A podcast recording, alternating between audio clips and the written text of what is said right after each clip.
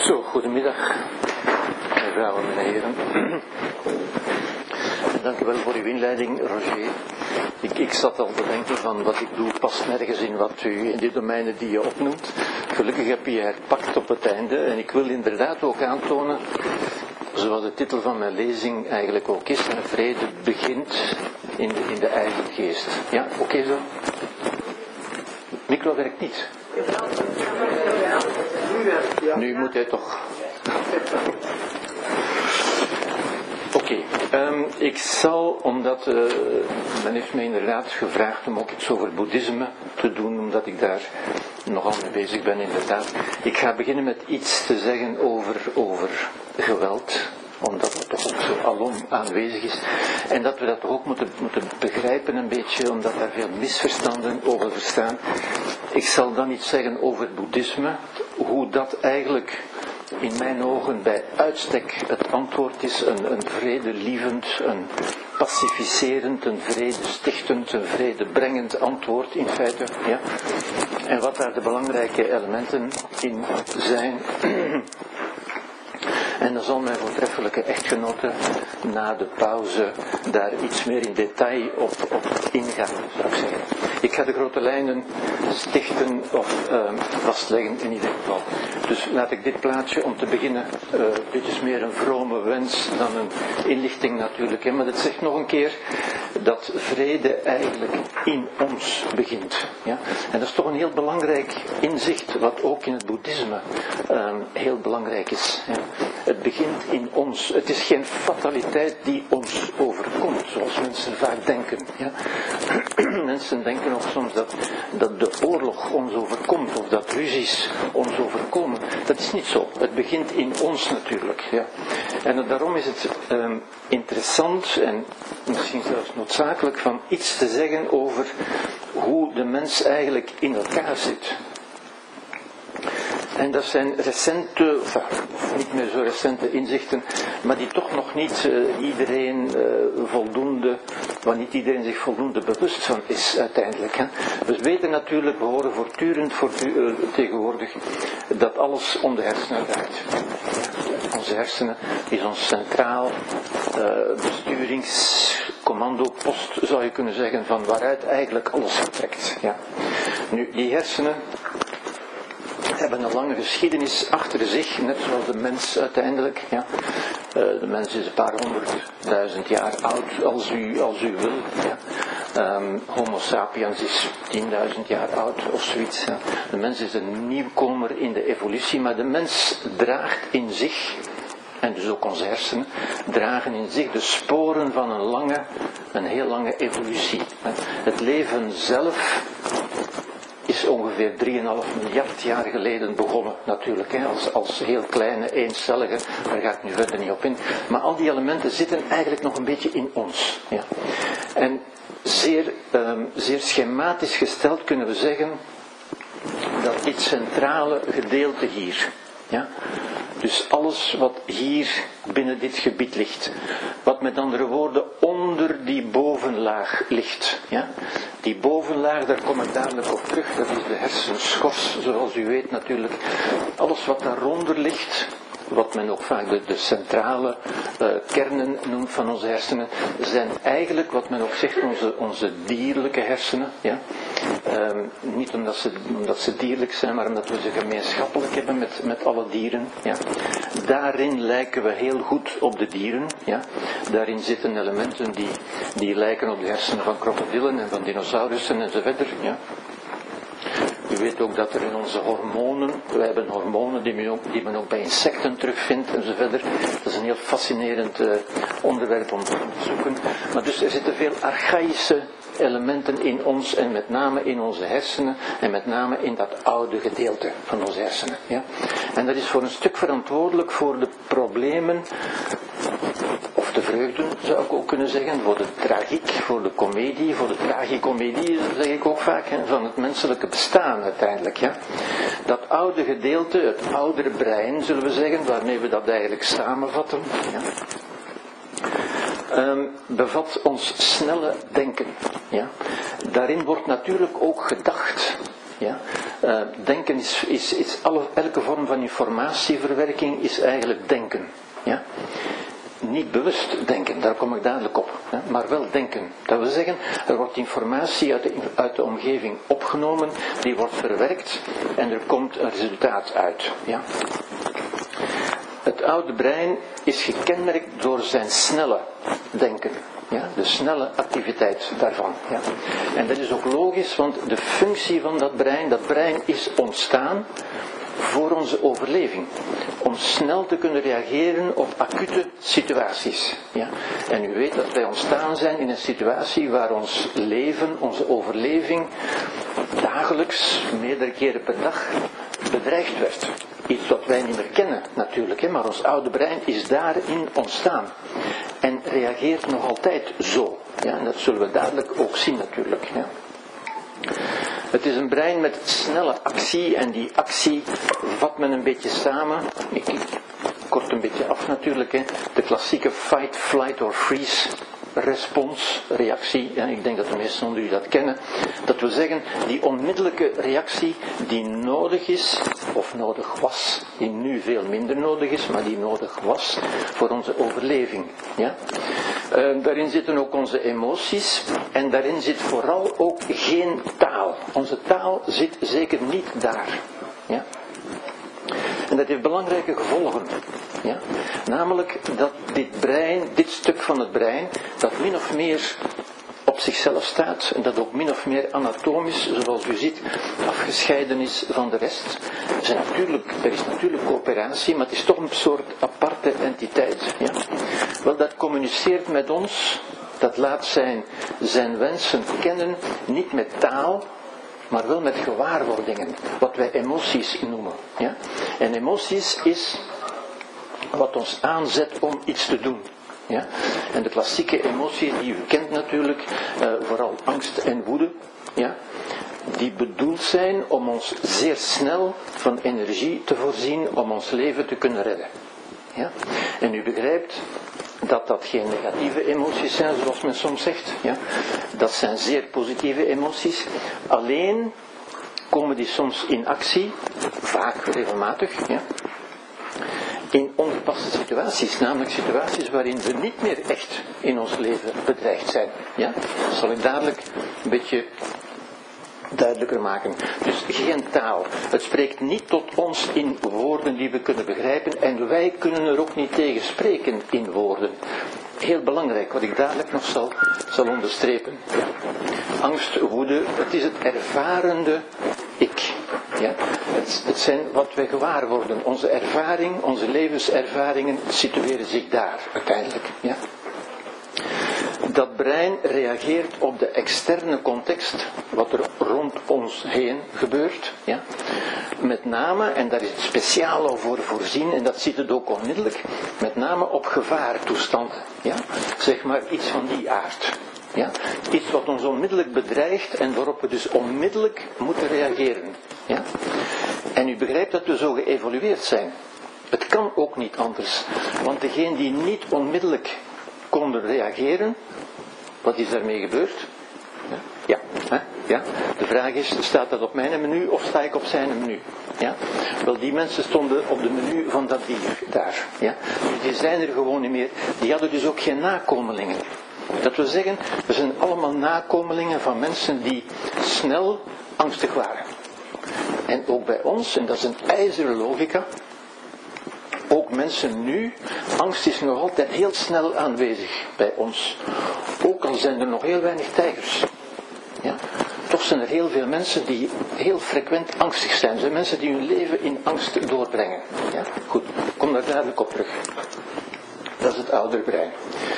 Er is ook dat nieuwere brein, die, die schors, die daar zo bovenop ligt, ja, die ook later ontstaan is, die zich daarover geplooid heeft en die echt het typische van de mens is. Ja, dat is iets wat dieren niet hebben. Dat is wat ons tot mens maakt. Ja. Dat, is bijvoorbeeld, dat maakt bijvoorbeeld dat wij, ieder van ons, hè, dat we zo'n hoog voorhoofd hebben. U weet, bij chimpansees wijkt de schedel zo boven de ogen eigenlijk al onmiddellijk naar achter terug. Ja? Een mens heeft een voorhoofd. En dat voorhoofd is wat ons tot mens maakt. Daarin zit onze cortex. Vooral dat voorste gedeelte. Ja? Dit hier wat men de prefrontale cortex noemt. U hebt die namen allicht al gelezen in de literatuur, iedereen kent dat tegenwoordig. Goed. Dat is wat we zouden kunnen noemen het nieuwere brein. Wat is het nieuwere brein? Wel, om te beginnen, dat is het brein dat langzaam denkt. Ja? Dat heeft meer tijd nodig, omdat het ook complexer is. Het is een complexere computer, zou je kunnen zeggen. Een complexere denkmachine. Ja? Het is ook langzamer, maar het is ook dat waar wij bewust van zijn, wat we bewust kunnen doen. Dus dat is ook wat we echt denken noemen. Ja? En ik leg daar een beetje de nadruk op. Want ik heb u gezegd, emoties zijn eigenlijk ook denken, natuurlijk. Ja? Alleen is dat geen bewust denken en noemen we dat geen denken. En verrast ons dat soms. Omdat we zeggen, ik heb daar toch niet over gedacht. En dat is juist, maar er is wel in ons gedacht. Ja? Er wordt voortdurend in ons gedacht. Ja? En er is dus geen verschil tussen denken of emoties. Het zijn allebei vormen van denken, daar kom ik dadelijk ook nog op terug. Het maakt het mogelijk dat we kunnen plannen, dat we kunnen vooruitzien, dat we kunnen situaties bedenken die er niet zijn, dat we kunnen overleggen, dat we genuanceerd en kritisch kunnen denken. Allemaal dingen die het oude brein niet doet. Ja? Omdat het oude brein vooral op snelle actie voor de overleving is gericht. Ja. Het is ons centrum voor taal. Het maakt mogelijk dat we taal gebruiken. Ja? Dat we logisch denken. Dat we ook waarden hebben. Ja? Waarden buitengewoon belangrijk. Ja? En, en dreigt een beetje op de achtergrond te komen in cultuur als de onze, waar men zoveel belang hecht aan emoties. Ja? En natuurlijk zijn emoties belangrijk, maar wat ons echt mens maakt zijn onze waarden. Ja? Waarden zijn de dingen waar wij belang aan hechten, waar wij waarde aan hechten. Ja? Dat is een menselijke activiteit. Onze emoties, die hebben we gelijk, die, hebben, die delen we met dieren. Dieren kennen ook angst en woede en, en jaloezie. En dat, is allemaal gelijk met de dieren. Dat is niet wat ons mens maakt. Wat ons mens maakt is wat wij waardevol vinden. Ja? Bijvoorbeeld eerlijkheid, rechtvaardigheid, dat soort dingen. Gastvrijheid. Dat is iets wat dieren niet kennen. Dat zijn menselijke waarden. Mensenrechten. Ja? Dat zijn menselijke waarden, bijvoorbeeld. Ja? Het verhalende ik. Ja? Dat zou ik nog lang kunnen op ingaan, maar dat het niet voor in feite. Dat is waarin we het verhaal vertellen over ik. Waarin we eigenlijk ons ik, waarin we een verhaal vertellen over een personage dat we ik noemen. Ja? U weet, het ik is in feite ook een, een narratief gegeven. Het is het centrum van onze, van onze verhalen, vertellende brein uiteindelijk. Ja? Onze verbeelding zit daarop. En dat is ook heel belangrijk. Ja? Want het maakt het mogelijk dat wij ons situaties indenken die er niet zijn. Of die er niet meer zijn. Ja? En u weet bijvoorbeeld dat vele mensen zogezegd nog in het verleden leven. Ja? Wat strikt genomen onmogelijk is. Ja? Maar wij kunnen doen alsof, omdat we met onze verbeelding eigenlijk het verleden met ons meedragen. We kunnen het ons voorstellen en doen alsof het er nog is. Een merkwaardig gegeven. Dat ook maakt dat wij een soort interne context creëren. Ja? In tegenstelling tot de externe context hebben wij een soort interne context. Ja? Die louter imaginair is, die niet overeenstemt of niet noodzakelijk overeenstemt met de externe context maar waarin wij ook dingen kunnen verbeelden, kunnen voorstellen. Ja? Bijvoorbeeld kunnen we ons voorstellen dat. Ja? En u ziet het verschil. Dat is een echte tijger, dat is een ingebeelde tijger. Ja? Dat is duidelijk. Ja? Wat is het probleem? het probleem is een beetje dat ons oude brein vaak uh, het onderscheid niet kan maken tussen een beeld dat komt uit de buitenwereld en een beeld dat komt uit de binnenwereld. Ja? En dus u begrijpt al de situatie. Ja? Als wij ons tijgers indenken, en tijgers kunnen ook uw collega's zijn, of, u, of uw schoonouders, of, of wat dan ook, ja? waaraan u denkt op een manier die u beangstigt. Ja? Want voor uw oude brein, uw oude brein gaat reageren alsof dat realiteit was. Ja? En dat is een groot, ja, ik wil het niet eens een probleem noemen, dat is hoe het werkt gewoon. Ja? Als we dat niet goed genoeg begrijpen, dan gaat dat met ons aan de loop. Ja? Als we dat beginnen te begrijpen, en dat is niet zo makkelijk, ja, dan kunnen we daar toch iets aan doen. Kunnen we ons toch niet voortdurend laten kapen door die verbeelding. Bijvoorbeeld door het verleden. Ja? Kunnen we zeggen, ja maar dat is het verleden, dat is niet wat er nu is. Ja? Maar vele mensen doen dat niet. En bijvoorbeeld hebben nog altijd de emoties die hoorden bij wat er in het verleden gebeurd is. Ja? Alhoewel die emoties nu geen enkele zin meer hebben. Ja? Maar als men dat onderscheid niet kan maken, en dat kunnen wij weer, althans wij, wat bedoel ik met wij in dit geval, ja? ons nieuwe brein kan dat. Als we erover nadenken, als we logisch gaan over nadenken. Ons oude brein doet dat niet, kan dat ook niet. Ja? En dus u ziet een beetje de situatie die ontstaat. Um, wat wij ons indenken leidt tot reacties van het oude brein. Ja? En vaak, en heel vaak moet ik zeggen, ja, leven wij veel meer met onze ingebeelde context, onze interne context, dan met de externe context. Ja? Iets wat mensen soms ook moeilijk kunnen aanvaarden. Want intuïtief denken we altijd, ja, ik zie toch wel wat er is. En wat ik voel, dat is toch wel wat ik voel. Ja? En wij denken ook altijd dat onze emoties, onze gewaarwordingen, dat die iets zeggen over de buitenwereld. Ja? Ik voel hoe die man is. Ja? Of die vrouw, of die situatie. Ja? In wezen kunt u dat niet voelen. Wat u voelt is wat u erover denkt. Uw interne context, wat u ermee gedaan hebt. Ja? Wij kunnen bijvoorbeeld en dat woord kent u natuurlijk wel. Ja? Als wij aan een bepaald persoon denken als aan een monster, dan gaan wij monsterlijke emoties hebben. Ja? En mensen kunnen zich nog altijd kwaad maken, en we zeggen die emotie oproepen, over iets wat dat monster in het verleden gedaan heeft. Ja? En op die manier creëren we onze eigen emoties, alhoewel de situatie er al lang niet meer is in feite. Ja? Goed, ik kan er niet te lang bij stilstaan. Maar dit is een heel belangrijk mechanisme natuurlijk. Ja? U ziet al waar we naartoe zullen gaan. Ja? Um, ik zou zeggen, als bij een bevalling, ik ga nu heel snel uiteindelijk. U weet, een bevalling is een heel pijnlijke zaak. Ja? Toch zullen heel weinig mensen dat een lijden noemen. Ja? En dat toont al onmiddellijk aan dat er twee instanties zijn.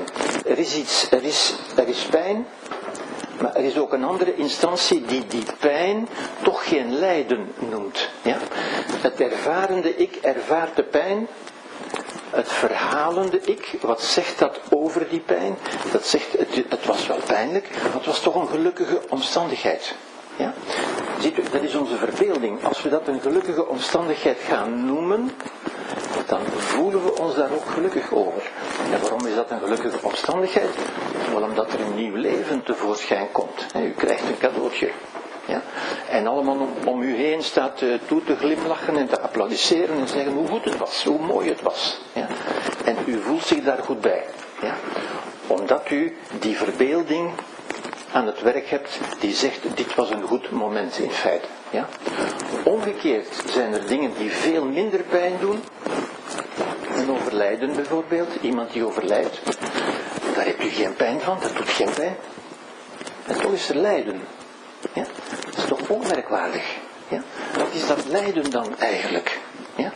Want dat lijden is eigenlijk ook een soort van, vanuit uw inbeelding, ja, dat u dat voorstelt als iets wat pijnlijk is. Er is in feite geen pijn. En toch lijdt u.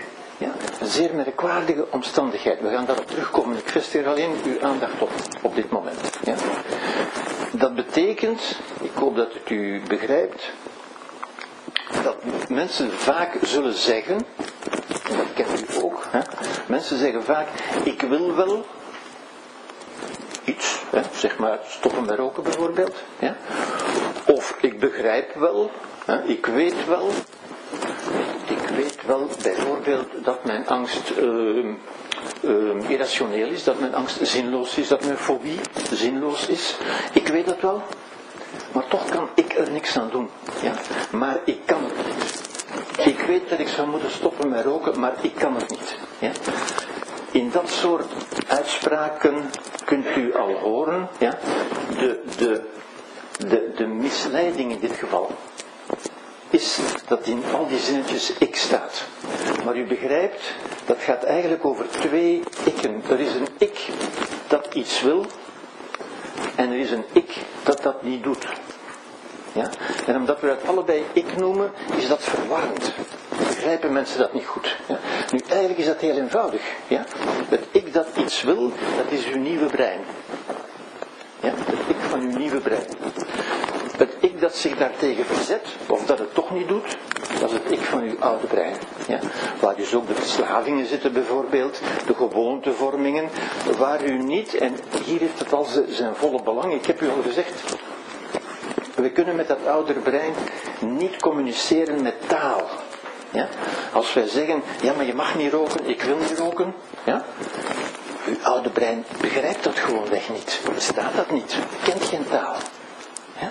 En dus uw oude brein zal zeggen, waar is mijn snoepje van vandaag? Ik heb daar toch recht op. Ja?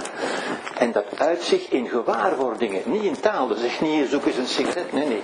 Dat creëert de, de, de craving, de hunkering. Van, hè, waardoor u gaat zeggen, ik heb dat nodig. Ja? Dat is uw oude brein. Ja? Dus u kunt, met een beetje aandacht, kunt u eigenlijk heel eenvoudig zowel uw oude brein als uw nieuwe brein ervaren, aan het werk voelen. Ja? Met name in dat soort zinnetjes. Ik zou wel willen, maar het lukt mij niet. Ja? En omdat er twee keer ik staat, lijkt het alsof het dezelfde persoon is, maar het zijn eigenlijk twee personen. Dus we zijn eigenlijk een compositie, zou ik zeggen, een synthese van twee personen. Er zijn twee personen in ons, die oude persoon en die nieuwe persoon, in feite. Ja. Goed, dat is in het kort een beetje het beeld van de mens dat ik wil, wil scheppen. En als we daar bewust van worden, en dat kunnen we natuurlijk, ja, dan kunnen we daar ook iets gaan mee doen, in feite. Ja. Maar ook daar kunnen we zeggen van, ja ja, dat is allemaal goed en wel, ik weet dat wel, hè, maar ik zit zo niet in elkaar, bijvoorbeeld. Ja, dat is uw oude brein dat protesteert, hè, dat zegt, ja, ja, vergeet dat maar, ja, we doen toch wel wat wij willen uiteindelijk. Ja. Dit is het beeld dat men daarvoor gebruikt in het oosten. Ik ga straks nog over het oosten spreken natuurlijk. Um, u weet, Plato had ook zo'n beeld. Plato vergeleek dat met een ruiter op zijn paard. In het oosten zegt men dat is een beetje als, als een ruiter op zijn olifant. Als een, een kornak op zijn olifant. Ja? En u ziet, een olifant is natuurlijk een kolossaal beest. Groot en sterk. Ja? En dat mannetje daarbovenop, dat zijn wij, dat is ons nieuwe brein. En die moet proberen van dat grote beest te gaan sturen. Ja? Kan dat? Ja, dat kan natuurlijk. Maar niet op de manier zoals vele mensen denken. Ja? Um, want wat zegt ons oude brein, ook in dit geval weer, en dat horen we nog vaak in wat mensen zeggen. Ja? Ze zeggen, ik moet mijn emoties controleren. Ja? Onder, on, in, in de hand krijgen. Ja? Alsof dat iets is wat je moet, moet bevechten, bestrijden. Ja? En dat is altijd wat het oude brein doet. Vechten en strijden, fight, flight, is het oude brein uiteindelijk. Ja? U weet, u kunt zo'n olifant niet besturen door er te gaan tegen duwen en trekken. Is veel sterker dan u. Ja? Maar er is één ding wat in uw voordeel speelt. Ja? Namelijk dat u veel slimmer bent. Die, die olifant is wel heel sterk, maar niet heel slim. U bent niet heel sterk, maar u bent wel heel slim. Of u zou dat kunnen zijn. Ja? Bijvoorbeeld door dat soort informatie in u op te nemen. Ja? En ik moet zeggen, het, het verbaast mij, voortdurend verbaast mij telkens weer, hoe mensen erin slagen van kolossale machines te besturen, grote vliegtuigen en treinen en zware vrachtwagens enzovoort, maar niet zichzelf. Ja? die grote machines, die, die, die bestuurt u ook niet door kracht. Ja? Mensen zeggen zo vaak, je moet daar sterk voor zijn. Ja? Dat is het oude brein dat spreekt. Het oude brein denkt, ik moet sterk zijn. Waar moet je sterk zijn? Om te vechten. Ja? In realiteit moeten we heel weinig vechten. Er is heel weinig waar we kunnen tegen vechten, overigens, ja, in onze wereld. Het is veel belangrijker van slim te zijn. U kunt vooral niet vechten met uzelf, met uw emoties. Ja. U gaat dat verliezen. Ja, zoals alle mensen met een verslaving weten natuurlijk. Hè. Als u in een verslaving gaat, gaat vechten, wat veel mensen doen, maar u verliest dat. Ja, dat, is, dat, dat kan niet. Het is alleen door slim te zijn dat u dat kunt winnen, zo gezegd. Of dat u tot een harmonieus geheel kunt komen. Dat u die olifant in uzelf kunt sturen naar waar u wil. Niet door er met brutale kracht tegenaan te gaan, maar door slim te zijn. Ja? Door wijs te zijn. Ja? En u hoort al waar we naartoe gaan natuurlijk. Waarom is vrede zo moeilijk? Wel, dat heeft alles te maken met wat ik u gezegd heb hier. Ja? Um, omdat ons oude brein denken ons eigenlijk voortdurend in de weg staat. Ja? Omdat gewaarwordingen, emoties bij ons, vooral dan wat men de negatieve emoties noemt. Ja? Ehm, er zijn natuurlijk geen negatieve emoties, maar er zijn onaangename emoties. Ja? Dat wij altijd denken dat dat wijst op iets uit de buitenwereld. Terwijl we zouden moeten leren denken, en daarvoor heb ik het model van de mens getoond natuurlijk, hè, dat onze emoties altijd uit ons komen. Ja. Niemand geeft u emoties, niemand kan u emoties geven. Ja. Uw emoties zijn patronen, zijn reacties van de olifant in u, die u kunt leren wijzigen. Ja. Als u slim bent, niet als u sterk bent, maar als u slim bent. Ja. Maar onze intuïtie die heel sterk is, zegt altijd van, uh, ja maar ik voel mij zo en dat is omdat die iets gedaan heeft. Ja? Nee, we zouden moeten zeggen, als ik mij zo voel, als ik mij niet goed voel, wat heb ik gedaan? Hoe heb ik dat gedaan? Hoe heb ik mijn olifant gestuurd? Ja? Wat heb ik in mezelf aangebracht uiteindelijk? Ja? Plus het automatische oude breinreactie. Ja? Zodra wij iets ons voorstellen als vijandig, als gevaarlijk, ja, en dat doen wij zoveel, gaat ons oude brein daarop reageren als, ah, dan moeten we vechten, ja, dan moeten we strijden. En u hoort die militaire retoriek eigenlijk overal in de samenleving. Ja. In, in de sport gaat het over niks anders uiteindelijk. Hè. Winnen, verliezen, kloppen, slagen enzovoort. Ja. Uh, ja automatische reacties. Vechten, strijden, bestrijden. Ja. We willen alles bestrijden tegenwoordig. Ja. Uh, overwinnen, uitschakelen. Ik, ik vind het altijd zo'n afschuwelijk woord als ik dat hoor. Van die is uitgeschakeld en dat is uitgeschakeld. En, dat is echt oude breintaal. Ja. Wij denken dus ook voortdurend en door dat te herhalen hypnotiseren we onszelf daarin natuurlijk. Hè, van, van, er moet van alles bestreden worden.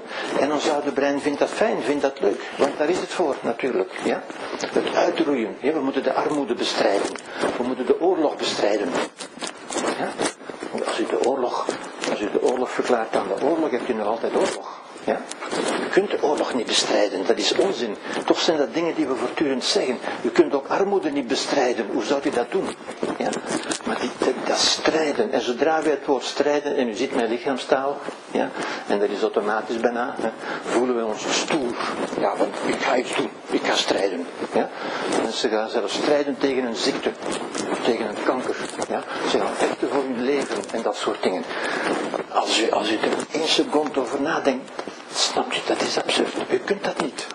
Dat is onmogelijk. Ja? Maar dat geeft, u, dat geeft u een stoer gevoel van ja, strijden. Ja? Het oude brein aan het werk. Ja? Geweld fascineert ook. Ja? Het ook altijd zo opmerkelijk dat in, zowel in sport als in de politiek wordt gesproken over winnen en verliezen. Alleen al dat. Ja? Als, u, als u gekozen wordt, hebt u dan iets gewonnen. Maar dan zijn er ook altijd van die, van die hysterisch krijsende massa's bij en altijd gezwaaien van gebalde vuisten en zo verder. En, ja, dat zijn allemaal oude breinen aan het werk, toch? Ja, ja. Goed. Waarom vrede zo moeilijk is? Alle vormen van lijden.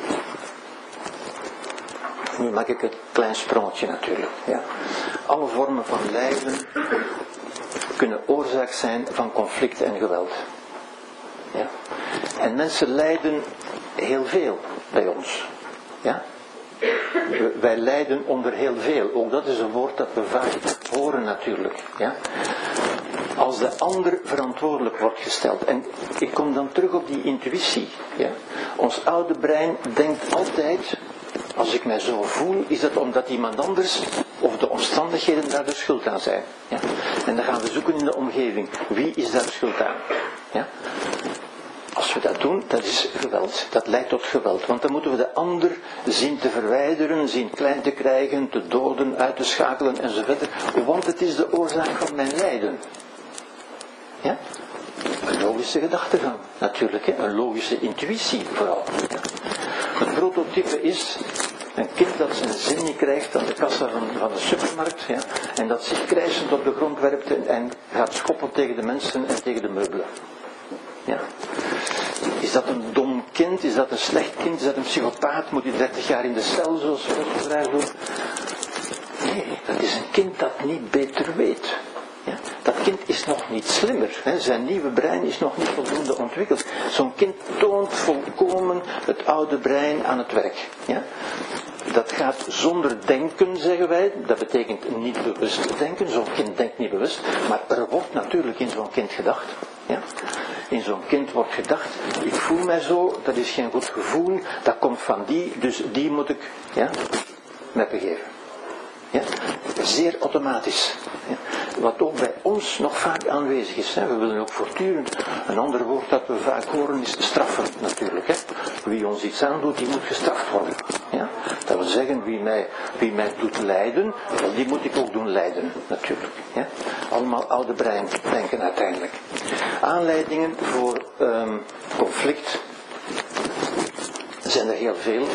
Ik ga een beetje snel natuurlijk. Ja. Um, elke perceptie, en ik, ik leg de nadruk op het woord perceptie. Ja. Dat wil zeggen onze inbeelding van onrecht, afwijzing, belediging, pesten enzovoort. Al die woorden die u zo vaak kent. Als wij een bepaalde omstandigheid een bepaald gebeuren in de, in, de, in, de, in de buitenwereld, een bepaald gedrag van iemand, als we dat benoemen als onrecht, wel dan moeten we dat gaan bestrijden. Ja? Dan wekken we ons oude brein op om dat te gaan bestrijden. Ja? Als we een bepaald gedrag van iemand als pesten benoemen, ja, dan voelt u bij uzelf al van, dat mag niet, ja, ik moet daar tegenin gaan, ik moet dat bestrijden. Pesten is ook iets wat we moeten bestrijden. Ja. Dat zal natuurlijk nooit lukken. Ja. Perceptie van ongelijkheid. Ja. Ook daar zijn studies over gemaakt. Zodra mensen denken of vinden of beoordelen of de perceptie hebben dat iets ongelijk is, onrechtvaardig dus, ja, worden ze kwaad. En dan zeggen ze, dat maakt mij kwaad. Mensen zeggen heel veel dat. Dat maakt mij kwaad. Dat maakt mij angstig. Ja? Dan zeggen dat is toch normaal dat ik mij kwaad maak. Ja? Eh, normaal in de zin dat alles wat een mens doet uh, normaal kan zijn. Ja? Maar het is niet het beste wat een mens kan doen. Ja? En ik heb in dat, daarover een klein filmpje dat van Frans de Waal is. Misschien kennen sommigen onder u het wel. Ja. Dit zijn twee, twee aapjes, zoals u ziet, ja, in twee nabijgelegen kooien, die allebei een kleine opdracht, hè, ze moeten iets, een kleine opdracht doen, een steentje geven, en dan krijgen ze een beloning, een stukje komkommer. Ja. En dat werkt uh, heel goed, ja, dat gaat een tijd heel um, vredevol, zou je kunnen zeggen. Ja. Dus die, ze doen die handeling en ze krijgen, voilà, ze krijgen een beloning, ja. En nu krijgt de ander ook een beloning en alles gaat goed, zover. Ja, ja. dan ben ik even te ver. Het probleem is, het probleem is dat op een bepaald moment gaat de onderzoeker, ja, gaat dan een van die twee in plaats van een stukje komkommer een druif geven. Een druif die natuurlijk veel lekkerder is. Ja? En de ene ziet dat van de ander en dan zult u zien wat er gebeurt natuurlijk. Zo menselijk zullen we zeggen.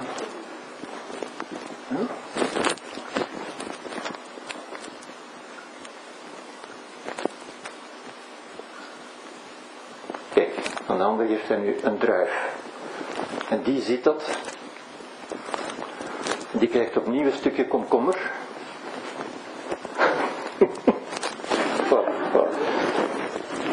Bekijkt dat vol ongeloof. Hoe, kan dat nu?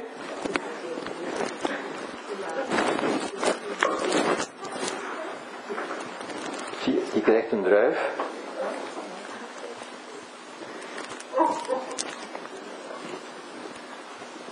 Deze kreeg een stukje komkommer.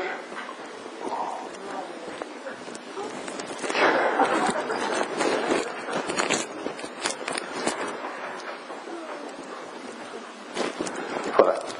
Dus u ziet, u ziet, dat is natuurlijk het oude brein. Ja, Zo'n aapje denkt niet, overlegt niet, heeft geen waarden, denkt niet genuanceerd, denkt niet kritisch. Dat is louter het oude brein denken. Wat bij ons ook is natuurlijk, onze intuïtie. Ja? Zodra wij zoiets merken, zijn wij zoals dat aapje. Van wat is dat nu? Dat kan toch niet? Ik heb dat niet verdiend. Kwaad worden. Ja? Dat is toch normaal dat ik kwaad word? Ja? Goed. Ehm, deze de theorie die ik u nu, of de wijze, de zienswijze die ik u heb voorge, voorgelegd uh, tot dusver, um, is afkomstig van, of werd, sterk onder de aandacht gebracht door Daniel Kahneman. Ja? Daniel Kahneman uh, is de man van uh, het vier, hij leeft nog altijd trouwens, kreeg daarvoor, dit is zijn boek, Thinking Fast and Slow. En hij heeft, die, die, hij heeft dat heel scherp gesteld. Ja? Uh, dat onderscheid tussen wat wij vaak zeggen, uh, ratio en emoties die tegenover elkaar zouden zijn. Hij zei nee, nee. Dat zijn twee systemen die allebei denken. Het zijn allebei vormen van denken in de zin van informatieverwerking. Ja? Alleen is het ene snel en het andere is langzaam. Thinking fast and slow. Het is vertaald overigens onder de titel, denk ik, ons feilbare brein of zoiets. Ja? Hij heeft daarvoor, men noemt dat de dual process theory, de theorie van de twee processen, de twee persoonlijkheden, zeg maar. De twee ikken, zouden we kunnen zeggen. Ja? Hij heeft daarvoor een Nobelprijs gekregen in 2002.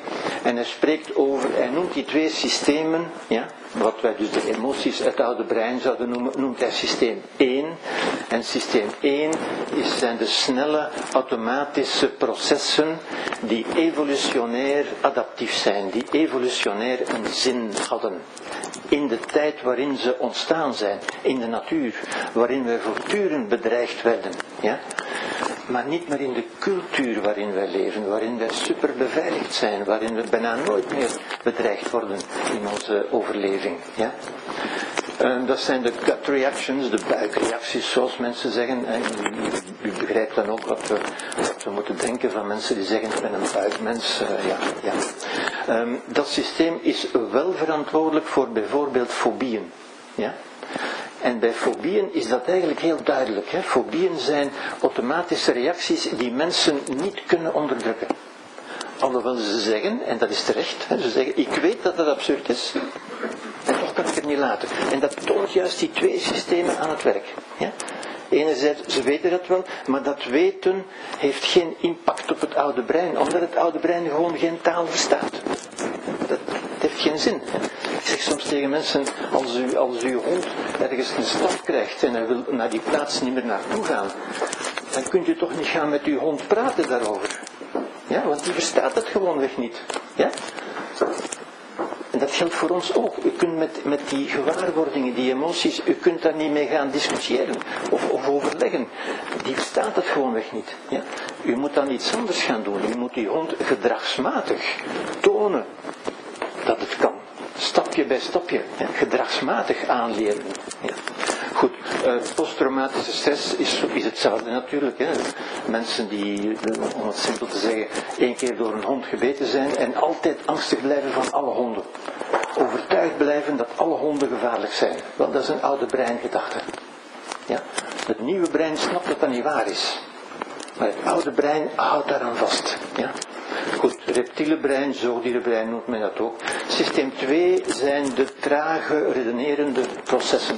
Ja, waar we kunnen in taal met onszelf praten en met anderen ook natuurlijk. Ja.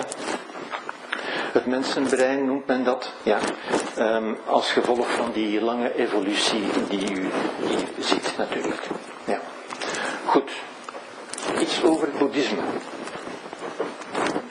Ik heb u dat gezegd, eh, wat ik tot nu toe gezegd heb, is een beetje hoe de mens in elkaar zit. Ja?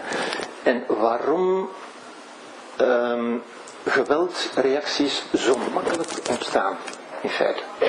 Ja? En dat is iets wat we niet kunnen mensen zeggen soms ik wil daar vanaf. Dat is iets waar we niet van af kunnen. Ja, we zitten met dat soort, met zo'n olifant, zeg maar, ja, ehm, waar we niet vanaf kunnen. We kunnen alleen voldoende slim worden om hem te leren bereiden. Maar we kunnen hem niet inruilen. We kunnen er ook niet mee discussiëren. Ja? We kunnen alleen slim worden. En een manier om slim te worden is het boeddhisme eigenlijk. Ja, het boeddhisme is al, is al heel lang slim geworden daarin. Heeft het al heel lang, niet op de manier zoals ik het beschreven heb hier, maar heeft al heel lang die intuïtie gehad van dat, van dat te begrijpen uiteindelijk. Ja. Wat zegt de Boeddha? Om te beginnen, misschien hier niet te lang, niet te lang bij stilstaan. U weet natuurlijk, het boeddhisme is geen religie om te beginnen. Ja, dat, dat zal wel duidelijk zijn. Er zijn geen goden, er zijn geen overmachten in het boeddhisme. Ja. Uh, ik, ik, zeg het toch maar voor de duidelijkheid, omdat men ook hier het boeddhisme onder de religies plaatst. Ja. Dat, dat, is volkomen ten onrechte. Ja, het is eigenlijk totaal anders in zekere zin. Ja. Een religie verwacht het antwoord van een god. Het boeddhisme kijkt niet naar een god.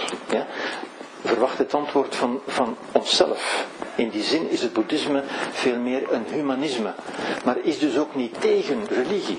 Ja, vandaar dat het boeddhisme ook zeer goed kan samengaan met religie. Er zijn voldoende uh, geestelijken, katholieken en andere geestelijken die ook boeddhistisch zijn. Ja. En dat kan perfect, want er is geen enkele contradictie. Ja. Het boeddhisme zegt niets over een god. U kunt perfect in een god geloven en toch boeddhist zijn. Ja. Er zijn geen, vooral ook geen dogma's, geen geboden, geen verboden. Er is geen heilige drievuldigheid, er is geen onbevlekte ontvangenis waarin u moet geloven en dat soort dingen. U moet niets geloven, in feite. Ja. Geen goddelijk wetboek, geen voorschriften. Ja, er is niks wat u moet doen. Ja. Geen heilig boek, geen instituut, geen rituelen, geen autoriteit, geen officiële standpunten. Ja geen religieuze of metafysische speculaties over het begin of het einde van het universum, over de zin van het leven of het voortleven na de dood, daar zegt het boeddhisme eigenlijk allemaal niks over. Ja, het heeft daar ook geen mening over. En in feite zou ik moeten zeggen, in feite maak ik een, ongeoorloofde um, afkorting als ik zeg het boeddhisme, want het boeddhisme bestaat eigenlijk niet. Er is geen officieel boeddhisme dat officiële standpunten zou innemen. Ja? Er zijn boeddhisten met veel verschillen onderling. Ja? Maar er zijn een aantal punten waarop ze toch allemaal gelijk zijn, en dat zal ik u dadelijk ook zeggen natuurlijk. Hè.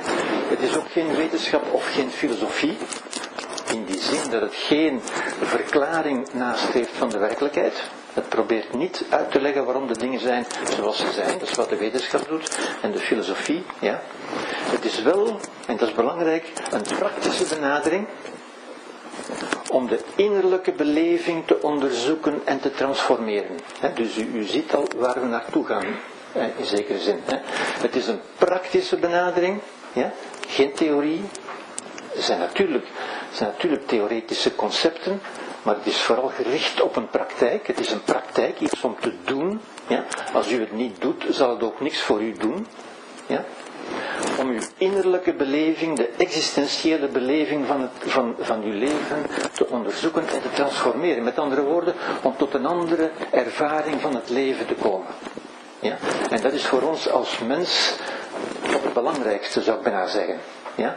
In die zin is het boeddhisme natuurlijk een, humanisme en ook een existentialisme, als u wilt. Het is een praktijk, zoals bijvoorbeeld yoga. Hè? Yoga, er zijn ook wel een aantal ideeën, maar yoga is vooral iets om te doen. Als u het doet, dan gebeurt er iets met u. Hè? Doet yoga iets met u? Nee, u doet iets met yoga. Het boeddhisme doet ook niks voor u. Maar u kunt iets doen met het boeddhisme. In uzelf. U kunt uw levenservaring veranderen. Ja? Het is gericht op onderzoek. En dat is belangrijk. Onderzoek staat tegenover geloof.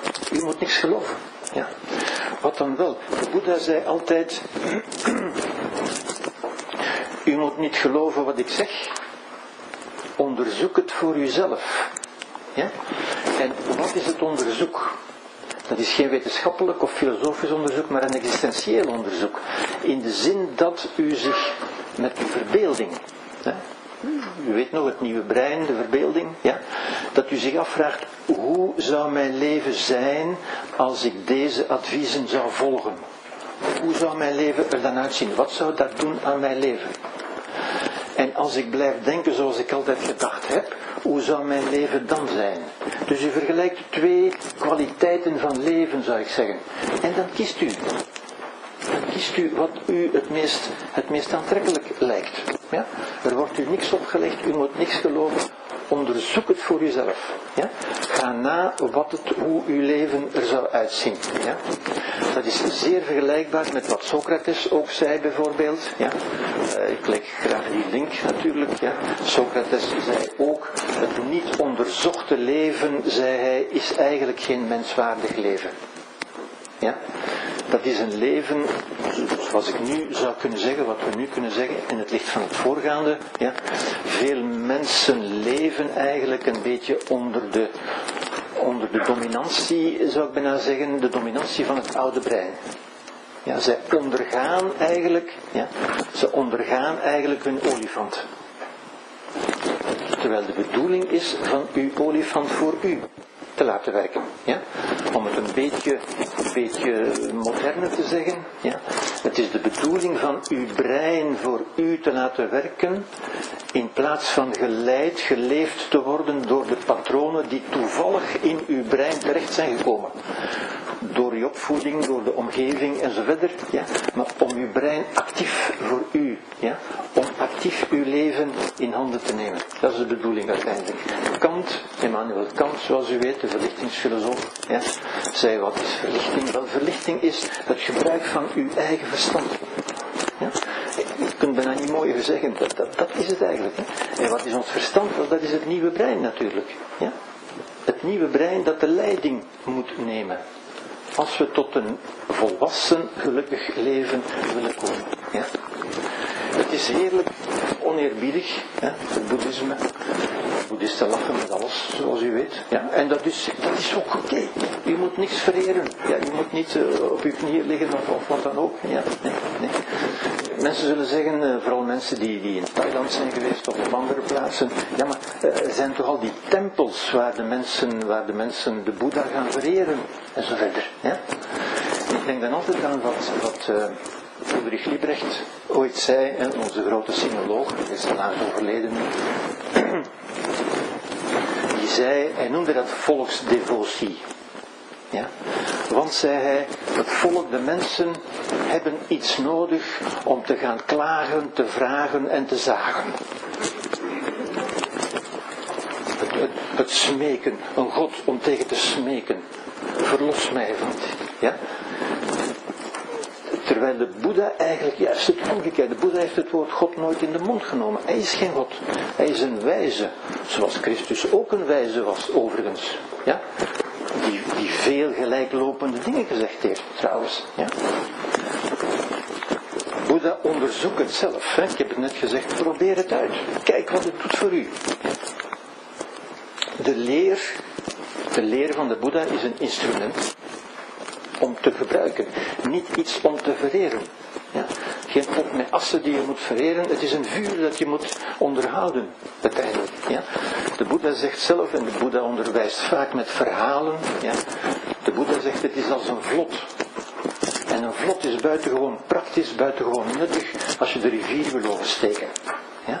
Maar als je dan zegt, ah, het is zo'n goed vlot, ik ga dat bijhouden. En je moet door het bos, dan wordt dat vlot een, een, een, een lastpost. Dan hindert het je verdere, je verdere evolutie uiteindelijk. Wel, Boeddha zegt, zo moet je dat ook doen. Ja? Het is een instrument, gebruik het zolang het je uitkomt.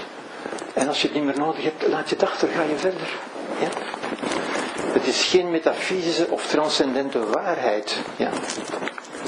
Het belang, weer een keer, is niet het waarheidsgehalte. De vraag is niet, is dat waar of niet waar? Dat is een filosofische of eventueel een wetenschappelijke vraag. De vraag is, wat doet dat in mijn leven? En is dat wat ik wil? Transformeert dat mijn leven in de gewenste zin uiteindelijk? Ja? Het is dus een spiritualiteit, dat wil zeggen het gebruik van uw spirit, een activiteit van de geest, een geestelijke activiteit, zonder religie.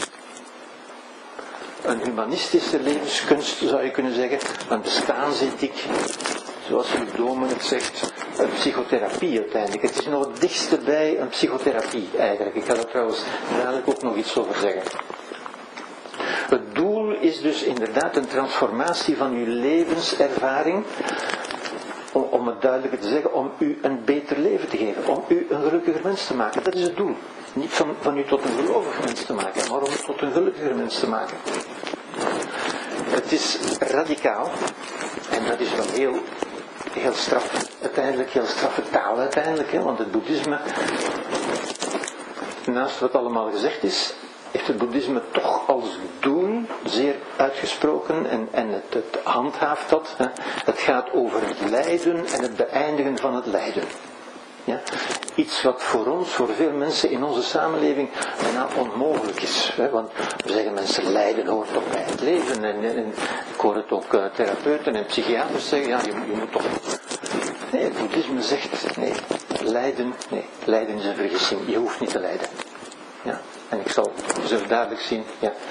In die zin gaat het verder dan de westerse psychotherapie. Ja, ik zal u ook tonen uh, hoe dat verder gaat. Het is niet alleen voor volgelingen, gelovigen of specialisten, maar voor iedereen. Het zijn adviezen voor iedereen. U moet niet aansluiten bij een kerk. U moet geen lidgeld betalen. Het is voor, voor iedereen. Het is open. Ja. Het is open source, zoals we nu zouden zeggen. Ja. Het zijn adviezen van wijsheid en antwoorden op levensvragen die tot een gelukkiger ervaring van het leven kunnen leiden. En dat is het doel. Dus een zeer humanistisch doel. Het geluk hier en nu. Niet in een, in een hypothetisch hiernamaals. Niet als je goed gelooft en, en goed ga je in hiernamaals beloond worden. Nee, nee. Het is hier en nu. Daar gaat het over. Daarin is het boeddhisme radicaal. En alle vormen van het boeddhisme gaan daarover. Ja? Ondanks vele verschillen die, die niet zo belangrijk zijn, want dat is de kern van het boeddhisme uiteindelijk. Ja? De Boeddha zei ook, de Boeddha is in u. Ja? U begrijpt, als, als, als dat de realiteit is van het boeddhisme, dan is dat ook radicaal pacificerend natuurlijk. Hè? Ik heb u net gezegd, lijden is vaak de oorzaak van geweld. Het is omdat wij lijden, het is omdat een kind lijdt dat begint te krijsen en te schoppen. Ja? Als we begrijpen dat we niet meer lijden, ja? als u de zaak omkeert, denkt u dat gelukkige mensen geweld veroorzaken? Dan snapt u onmiddellijk. Nee, gelukkige mensen doen dat niet. Ja? Dat is de bijdrage van het boeddhisme. Ja? Niet alleen van het boeddhisme, laat ik het ook maar zeggen. Boeddhisme staat bijvoorbeeld ook dicht bij het stoïcisme, bij de stoïcijnen bijvoorbeeld. Het staat in, in, in wezen ook dicht bij het christendom.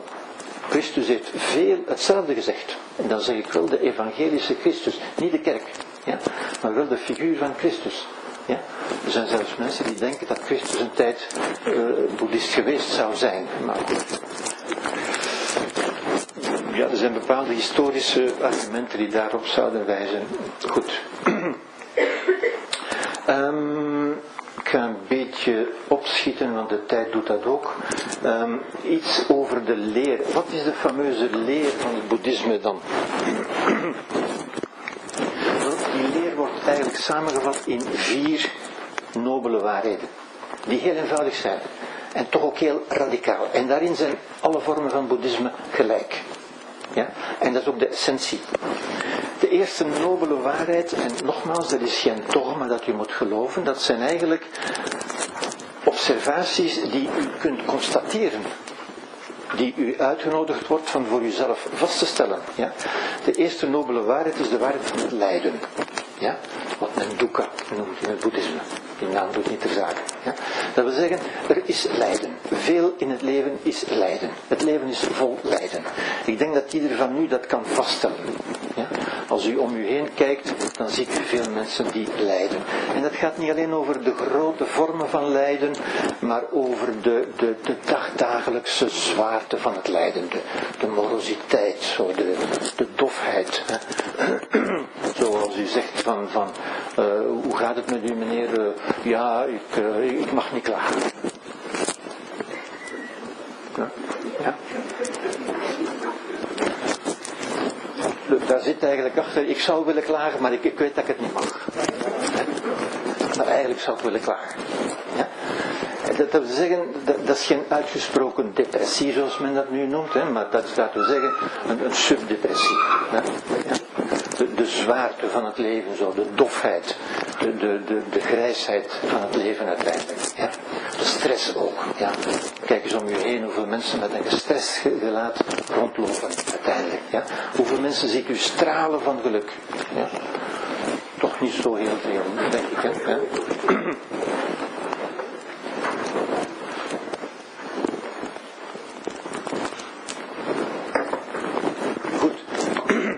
dat is geen dogma, dat is een vaststelling die u kunt doen. En u kunt ook in uw eigen leven, hè, dat, is veel waar u waarschijnlijk ongelukkig om bent geweest. Ja, goed. Het tweede, dukkha betekent wat zwaar omdragen is, de zwaarte van het leven uiteindelijk. Hè. De tweede nobele waarheid gaat over de oorzaak van het lijden. En dat is natuurlijk een heel stuk um, belangrijker en, en moeilijker voor mensen ook. Hè, want ik heb u net gezegd, wij zijn intuïtief, het oude brein denken, ja, is intuïtief, uh, ik voel me niet goed, wie is de schuldige? Ah, dat is, dat die meneer, die heeft mij doen lijden. Ja, want die heeft mij beledigd, of die heeft mij gepest. Dat is de schuld van mijn lijden. Ja? U begrijpt toch meneer dat ik lijd. Ja? Dan kun je gaan klagen of, naar het gerecht gaan of zoiets tegenwoordig, ja, of, naar een psychotherapeut of weet ik veel, hè, ja, ja. want men doet mij lijden. Boeddha zal zeggen, nee, nee, nee, nee, nee. Radicaal in tegen die, ik zal daarop terugkomen, ja. Het is uw gehechtheid, onze gehechtheid en onze aversie, die ook oude breinpatronen zijn, ja, maar die we door slimheid, wijsheid noemt men dat, ja, door wijsheid kunnen we daar anders leren mee omgaan. En dat is wat boeddhisme ons wil leren, uiteindelijk. Ja. De derde nobele waarheid is de waarheid van het einde van het lijden, het beëindigen van het lijden. Ja? Kan dat dan? Ja, dat kan. Ja? Dat is de radicale stelling van de Boeddha. Ja? Dat is wat de Boeddha hier en nu, niet in namaals, hè? hier en nu. Ja? Het is een humanisme. Ja? Het nirvana is het ontwaken, het wakker worden, ja?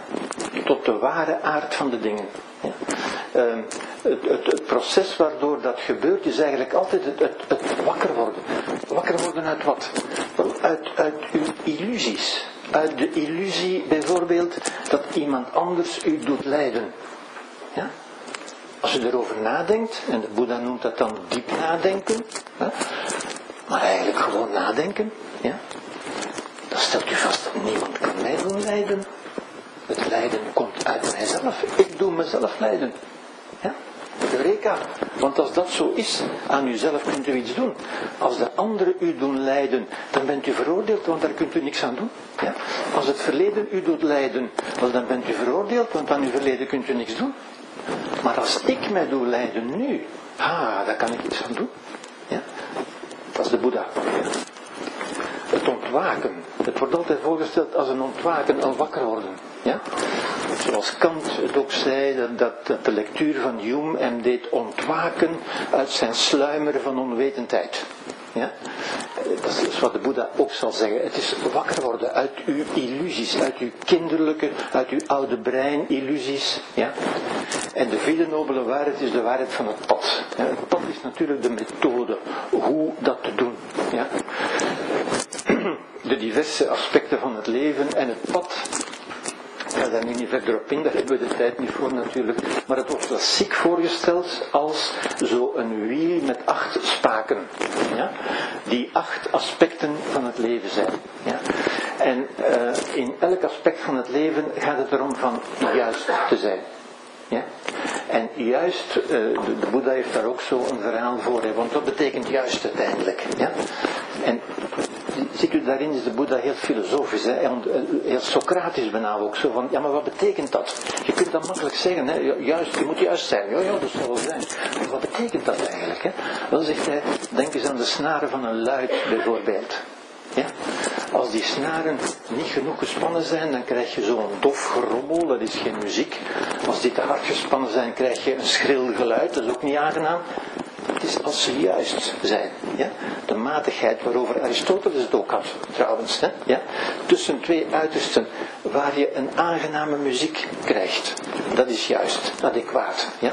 Niet juist volgens een dogma of zoiets. Ja, goed. Het wordt de, eh, de juiste zienswijze ja? En die zienswijze, uh, het Griekse woord voor zienswijze is theoria. Dat wil zeggen, een juiste theorie. Een theorie is een zienswijze. Ja? Een manier van de dingen bekijken. En ik heb u daar straks een manier gegeven, getoond om de mens te bekijken, om uzelf te bekijken ook. Ja? Waardoor een aantal dingen voor u helderder zouden kunnen worden. Als u ze meeneemt. Ja? U kunt daar iets mee doen. Doe er iets voor u? Nee. Maar u kunt er iets mee doen. Ja? De juiste zienswijze. Het juiste denken. Ja? De juiste gedachten. Het juiste spreken, het juiste handelen. Ja? Altijd gaat het over het juiste. Het juiste levensonderhoud. Ik geef de klassieke benamingen in het boeddhisme. Ja? Ik ga daar nu niet verder op in. Oké. Ehm, dit is, um, hier ga ik, kan ik helaas ook niet verder op ingaan, te zeggen heel snel natuurlijk. Dit is een beetje de, de, de klassieke en, en zo belangrijke iconografie, het icoon zou je bijna kunnen zeggen van het boeddhisme. Ja? Dit is de samsara. De samsara is wat men het levenswiel noemt. Ja? Dat is het levenswiel. Ja? Dat draait. Ja? En u ziet al, om te beginnen, het eerste wat, wat u kunt zien, ik weet niet of het eerste is wat u ziet, maar het eerste wat we zouden kunnen zien, ja, is dat dat wiel vastgehouden wordt in de bek van een monster. Klauwen, de bek, ziet u? Ja. En eigenlijk kan dat monster op elk moment toehappen. Ja? En dat is ook het boeddhisme natuurlijk. Dat, dat zegt, besef wel dat elk moment van uw leven het laatste kan zijn. Ja? Elke dag kan de laatste zijn. Ja? Op elk moment kan dat, kan dat dichtklappen in feite. De, on, de, de, de onbestendigheid, de veranderlijkheid. Ja?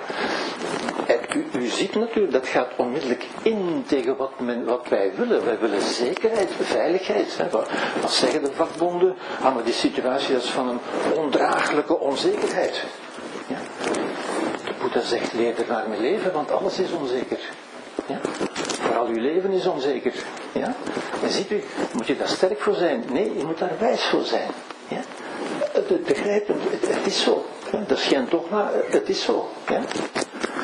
Goed, ik heb hier dezelfde een beetje um, schematisch voorgesteld. En vooral deze hier. En dan ziet u, ik ga op die benamingen nu niet in, maar dat levenswiel, is hetzelfde hier, is ingedeeld in een, een aantal sectoren met bepaalde namen die nu, niet, van belang zijn, maar die sectoren tonen levenservaringen. Wij zouden zeggen, hè, zoals wij nu zeggen, zoals de mensen zeggen, er zijn goede dagen en er zijn slechte dagen. Hm? Dat zijn de dagen. Er zijn goede dagen en er zijn slechte dagen. Er zijn dagen dat ik me goed voel, er zijn dagen dat ik me kwaad voel, dagen dat ik angstig ben, dagen dat ik zus, dagen dat ik zo. Ja. Dat is het normale, het leven. Ja. De dukkha eigenlijk ook het lijden. Ja. Het ondergaan van het leven, uiteindelijk. Ja. Maar het belangrijkste zit eigenlijk in het centrum hier. Hè? Dat ziet u hier ook. Hè? Het centrum hier, en als ik dat een beetje uitvergroot, dan ziet dat er zo uit. Hè? Dus dat centrum hier is het centrum hier. Dan ziet u, dat staan een aantal dieren in. Die dieren symboliseren natuurlijk iets. Hè? U moet, moet zien, denken, dit is gemaakt voor mensen die niet konden lezen of schrijven natuurlijk. Hè? Zeer didactisch. Ja? En u ziet hier de haan van de gehechtheid. Ja? En de gehechtheid is een sleutelwoord in, in het boeddhisme. Ja? Het boeddhisme zegt, dit zijn de oorzaken van ons lijden die hier staan. Hè. Al dat lijden hier, het komt uit dat centrum. Dat wil zeggen uit ons. Niet uit de buitenwereld, uit ons. Ja. En het centrum daarvan is, is hier. En een van de elementen van het centrum is de gehechtheid. De gehechtheid is je vastklampen aan dingen. Ja? En dat zie je bij mensen vooral, je ziet de gehechtheid vooral als iets ophoudt er te zijn. Het verdriet. Ja? Of, of nog erger, hè? mijn wereld stort in. Ik ben in een zwart gat gevallen. Of zoiets dergelijks. Hè? Wat mensen zeggen, die, die zware uitdrukkingen, om te zeggen, iets wat er was, is er niet meer. En ik had dat nodig. Dat mocht niet weg. Die mens mocht niet sterven. Want ik had die nog nodig. Hè? Dat is gehechtheid. Dat is lijden. Doet het, doet het overlijden van die mens u lijden? Nee. Het is uw gehechtheid die u doet lijden. Ja? Een andere is de slang van de afgunst. Ja? De afgunst. De gelijkheid waar we het straks over hebben, die aapjes, weet u nog? En het allerbelangrijkste feite is dat die twee uit de bek komen van dit varken hier. Het varken van de onwetendheid. Ja? Wat de Boeddha doet zeggen, alle lijden komt uit onwetendheid. Ja? En wat is onwetendheid? Dat is niet omdat u de kwantumfysica niet begrijpt of zoiets, maar dat is omdat u niet voldoende levenswijsheid hebt. Ja? Niet voldoende slim bent om die olifant te kunnen bereiden. Ja? Als u aan die olifant zit te trekken en te rukken, dan zal dat niet lukken. Ja? Maar iemand die een olifant kan bereiden, die dat geleerd heeft, die zit niet te trekken en te rukken, maar dat is met minieme signalen, die begrijpt zijn olifant en zijn olifant begrijpt hem. Dat gaat in harmonie, in vrede, met andere woorden. Ja?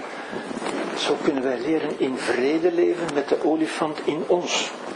Niet door hem te bedwingen, door te bestrijden of te hopen dat hij zal weggaan. Hij zal niet weggaan. Ja. Wij kunnen leren er in vrede mee te leven. Dat is de boodschap van de, van de Boeddha. Het is dat soort wijsheid uiteindelijk. Ja. Goed, de westerse psychotherapie heb ik u gezegd. Ja, de tijd is, is onverbiddelijk. Ja. ja. Vijf minuten? Ja. Oké. Nog heel even. Um, de westerse psychotherapie zou ik zo kunnen voorstellen. Ziet u wat daar gebeurt? Ja. Dat is van de ene naar de andere gaan. Ik voel me nu een beetje beter, het gaat een beetje beter, ja. ik ben een beetje minder kwaad, een beetje minder. Maar het blijft zitten in de logica van het lijden, uiteindelijk. Ja? De cognitieve therapie, gedachten vervangen door betere gedachten, ja, door meer aangename gedachten, dat is, allemaal, dat is allemaal heel goed, maar het blijft binnen de logica. Ja. Het boeddhisme heeft daar een zeer radicaal antwoord op. Ja. Ik ga u dat hier tonen, dat is dus de westerse psycho... De, de, de, boeddhistische, de oosterse in het algemeen, maar de boeddhistische zegt, kijk, dat is de oplossing. Met andere woorden, dit hier. Ja. Zeggen, stap eruit. Wij proberen dat in orde te maken. Hè, van ik moet mijn verleden verwerken en ik moet dat nog verwerken en oplossen enzovoort. Maar ik blijf dezelfde tuin omspitten. Boeddha zegt, stap daaruit. Stop daarmee. Stop, stop met vechten, stop met strijden. Stap eruit.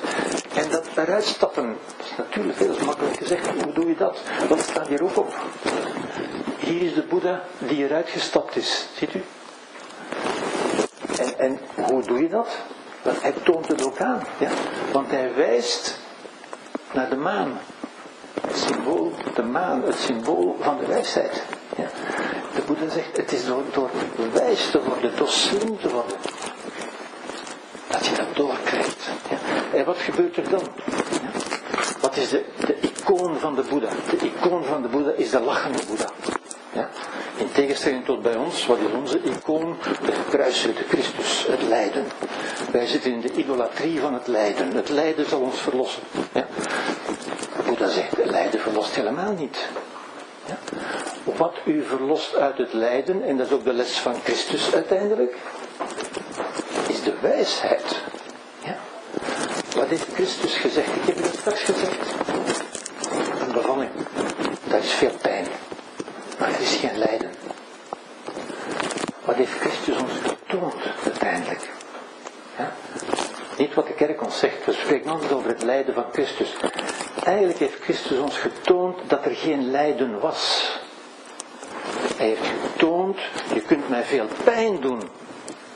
Je kunt aan mijn lichaam veel pijn doen. Maar mijn menselijkheid, mijn liefde, daar kun je gewoon niet aan. Dat kun je mij niet ontnemen. En dat kan niemand u ontnemen.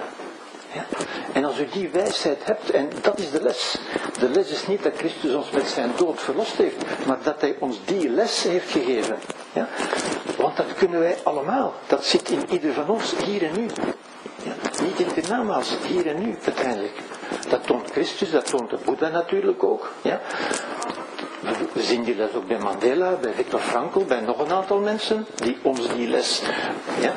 Maar we zijn natuurlijk een beetje hardleers, het oude brein, ja, met zijn intuïties. zegt altijd, nee, nee, dat is niet waar. Ik voel, ik voel toch wel dat hij mij doet lijden. Oké, daar heb ik het over gehad. Ik ga nog met eentje afsluiten. Ja. Heb ik nog vijf minuten? Ja,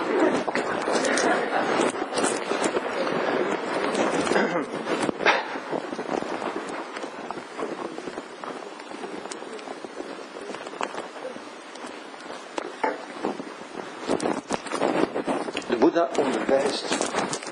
met verhalen. Verhalen die ons iets aantonen, uiteindelijk. Christus ook overigens. Ja. Maar goed, een les van de Boeddha. Op een bepaald moment zat de Boeddha vredelievend te onderwijzen aan zijn leerlingen. En er was een man die opstond en die hem in zijn gezicht spuwde. Hij zei, je bent een charlatan. Je kent er niks van. Je leidt de mensen om de tuin. Ja? Hij viel hem aan, zo gezegd. En hij spuwde hem in zijn gezicht. zo, zo, zo misprees hij hem uiteindelijk. Ja? De Boeddha veegde zijn gezicht af, bleef onbewogen en vroeg, en wat wil je nog zeggen? Ja? Zijn beste leerling, zei, maar dit kunnen we toch niet aanvaarden, dit is toch, dat is niet te dragen, dat is ondraaglijke, ja? Als we hem nu niet straffen, dan zal straks iedereen dat gaan doen. Ja? De Boeddha zei zwijg, deze man heeft mij niet beledigd, maar jij beledigt mij. Deze man kent mij niet, maar heeft waarschijnlijk iets over mij gehoord. Hij spuurt niet op mij, maar hij spuurt op zijn gedacht over mij. Ziet u, wat, wat diep gedacht. Ja? Ja? Als je dieper nadenkt, heeft hij op zijn eigen geest gespuurd, op zijn eigen verbeelding. Want hij kent mij niet. Ja? En ik ben geen deel van zijn verbeelding. Ja? Maar ik kan zien dat deze man iets wil zeggen, maar niet over voldoende taal beschikt. Hij kan het niet eleganter zeggen. Ja? Daarom vraag ik, wat wil je nog meer zeggen? Ja? En tot zijn leerlingen zei de Boeddha, ik ben meer beledigd door jullie, want jullie kennen mij. Niemand kende mij niet, maar jullie kennen mij wel. En jullie reactie beledigt mij meer dan wat deze man gedaan heeft. Zelf ging volkomen van, van slag, van zijn stuk naar huis natuurlijk, van, van hoe kan dat nu? Hij had verwacht dat hij, dat hij woede eh, zou terugkrijgen en hij krijgt dat terug. Ja. En hij bleef daar de hele nacht over nadenken, hij kon dat maar niet begrijpen natuurlijk. Ja. En de volgende ochtend kwam hij terug naar de Boeddha en wierp zich aan zijn voeten. Ja. En de Boeddha zei opnieuw, wat wil je nog zeggen? Want ook dit is een manier om iets te zeggen waarvoor je geen woorden hebt. De man zei, vergeef mij hier.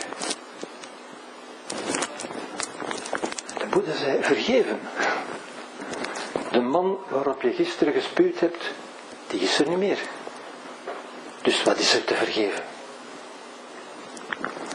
En ook u bent niet meer de man die gisteren gespuurd heeft. Want die man die was kwaad. Terwijl deze man om vergeving vraagt. Hoe kan dat dezelfde man zijn? Kom dus dichterbij en laat ons over iets anders spreken. Ja? Ziet u, geen wetenschappelijk of filosofisch betoog, maar een existentieel verhaal met, met vol van inhoud natuurlijk. Hè. Wat zegt de Boeddha hier? Hè? De Boeddha was in vrede. Ja. Die man verstoorde de vrede.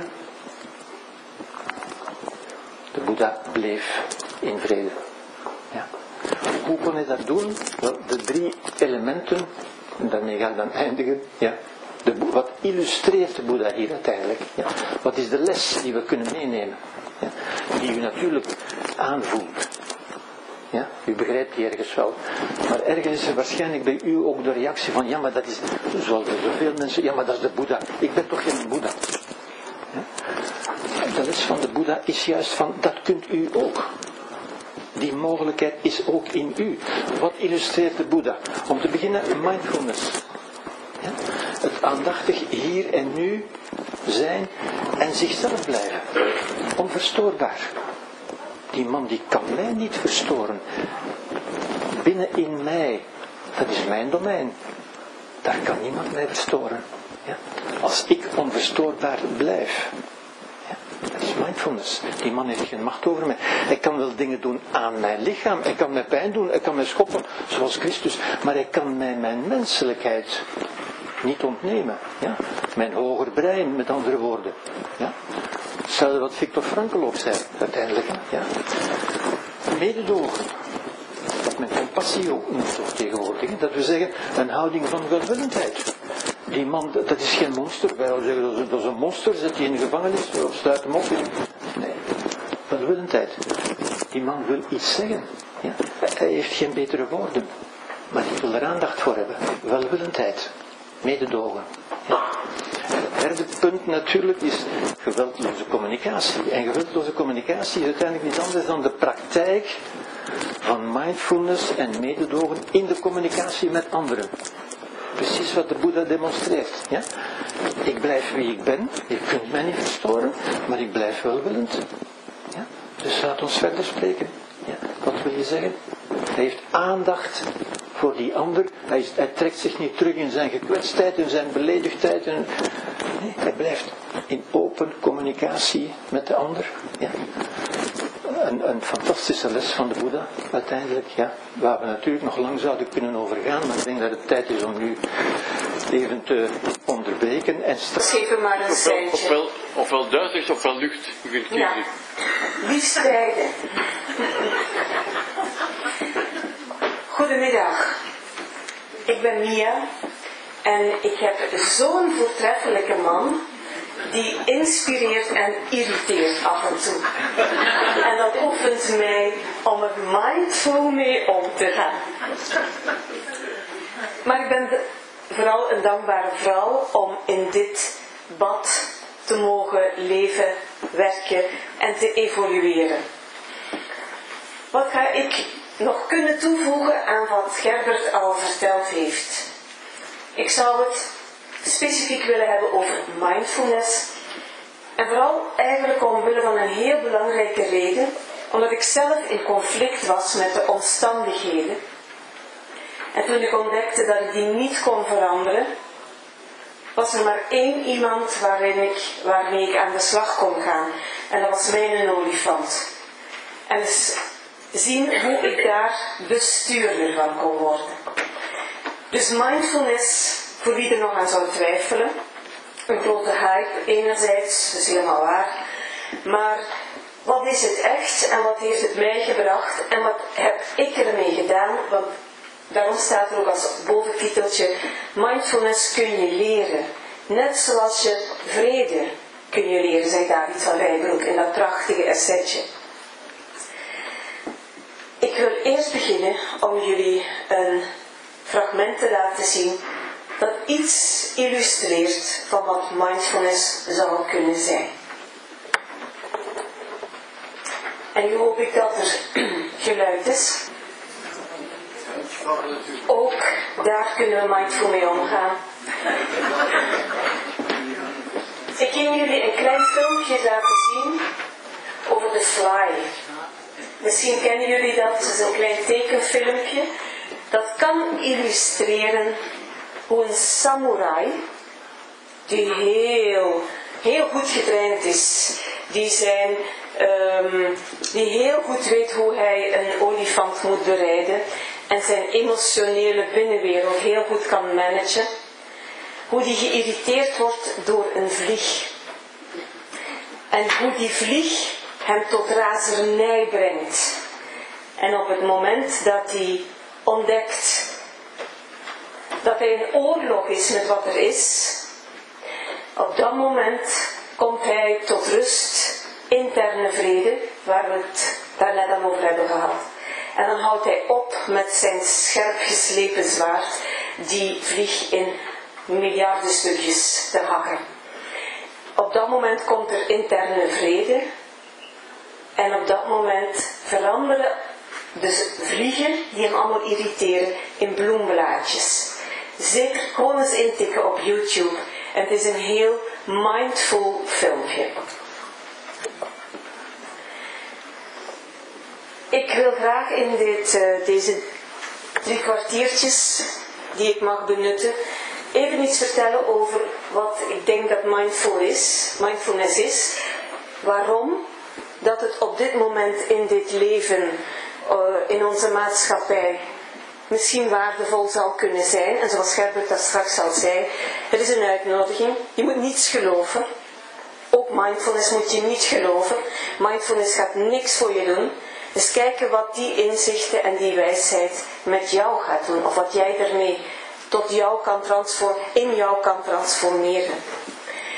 Ga ik het even hebben over wat het vooral niet is. Want door dat te benoemen, maken we misschien duidelijk wat het wel kan zijn. En waarom mindfulness misschien erg waardevol zou kunnen zijn in het onderwijs. En overigens alle opvoeders. En we hebben allemaal deze volwassen leeftijd waarop we dit, misschien dit gedachtegoed tot het onze kunnen maken. En wat de verhouding is tot vrede en NVC of Nonviolent Communication, waar het daar straks ook al over gegaan is. Graag wil ik toch even schetsen wie, wie hier voor u staat. En uh, heel kort, ik geef aan de Educatieve Academie al een aantal jaren hier in Antwerpen een training met de mond vol. Onverstoorbaar, vriendelijk leiderschap voor het onderwijs. Specifiek voor onderwijs. En dat heb ik helemaal, dat heb ik eigenlijk gebaseerd op Gerberts uh, strategie van het geluk. En op basis van allerlei filosofische inzichten heb ik daar een uh, tweedaagse training van gemaakt.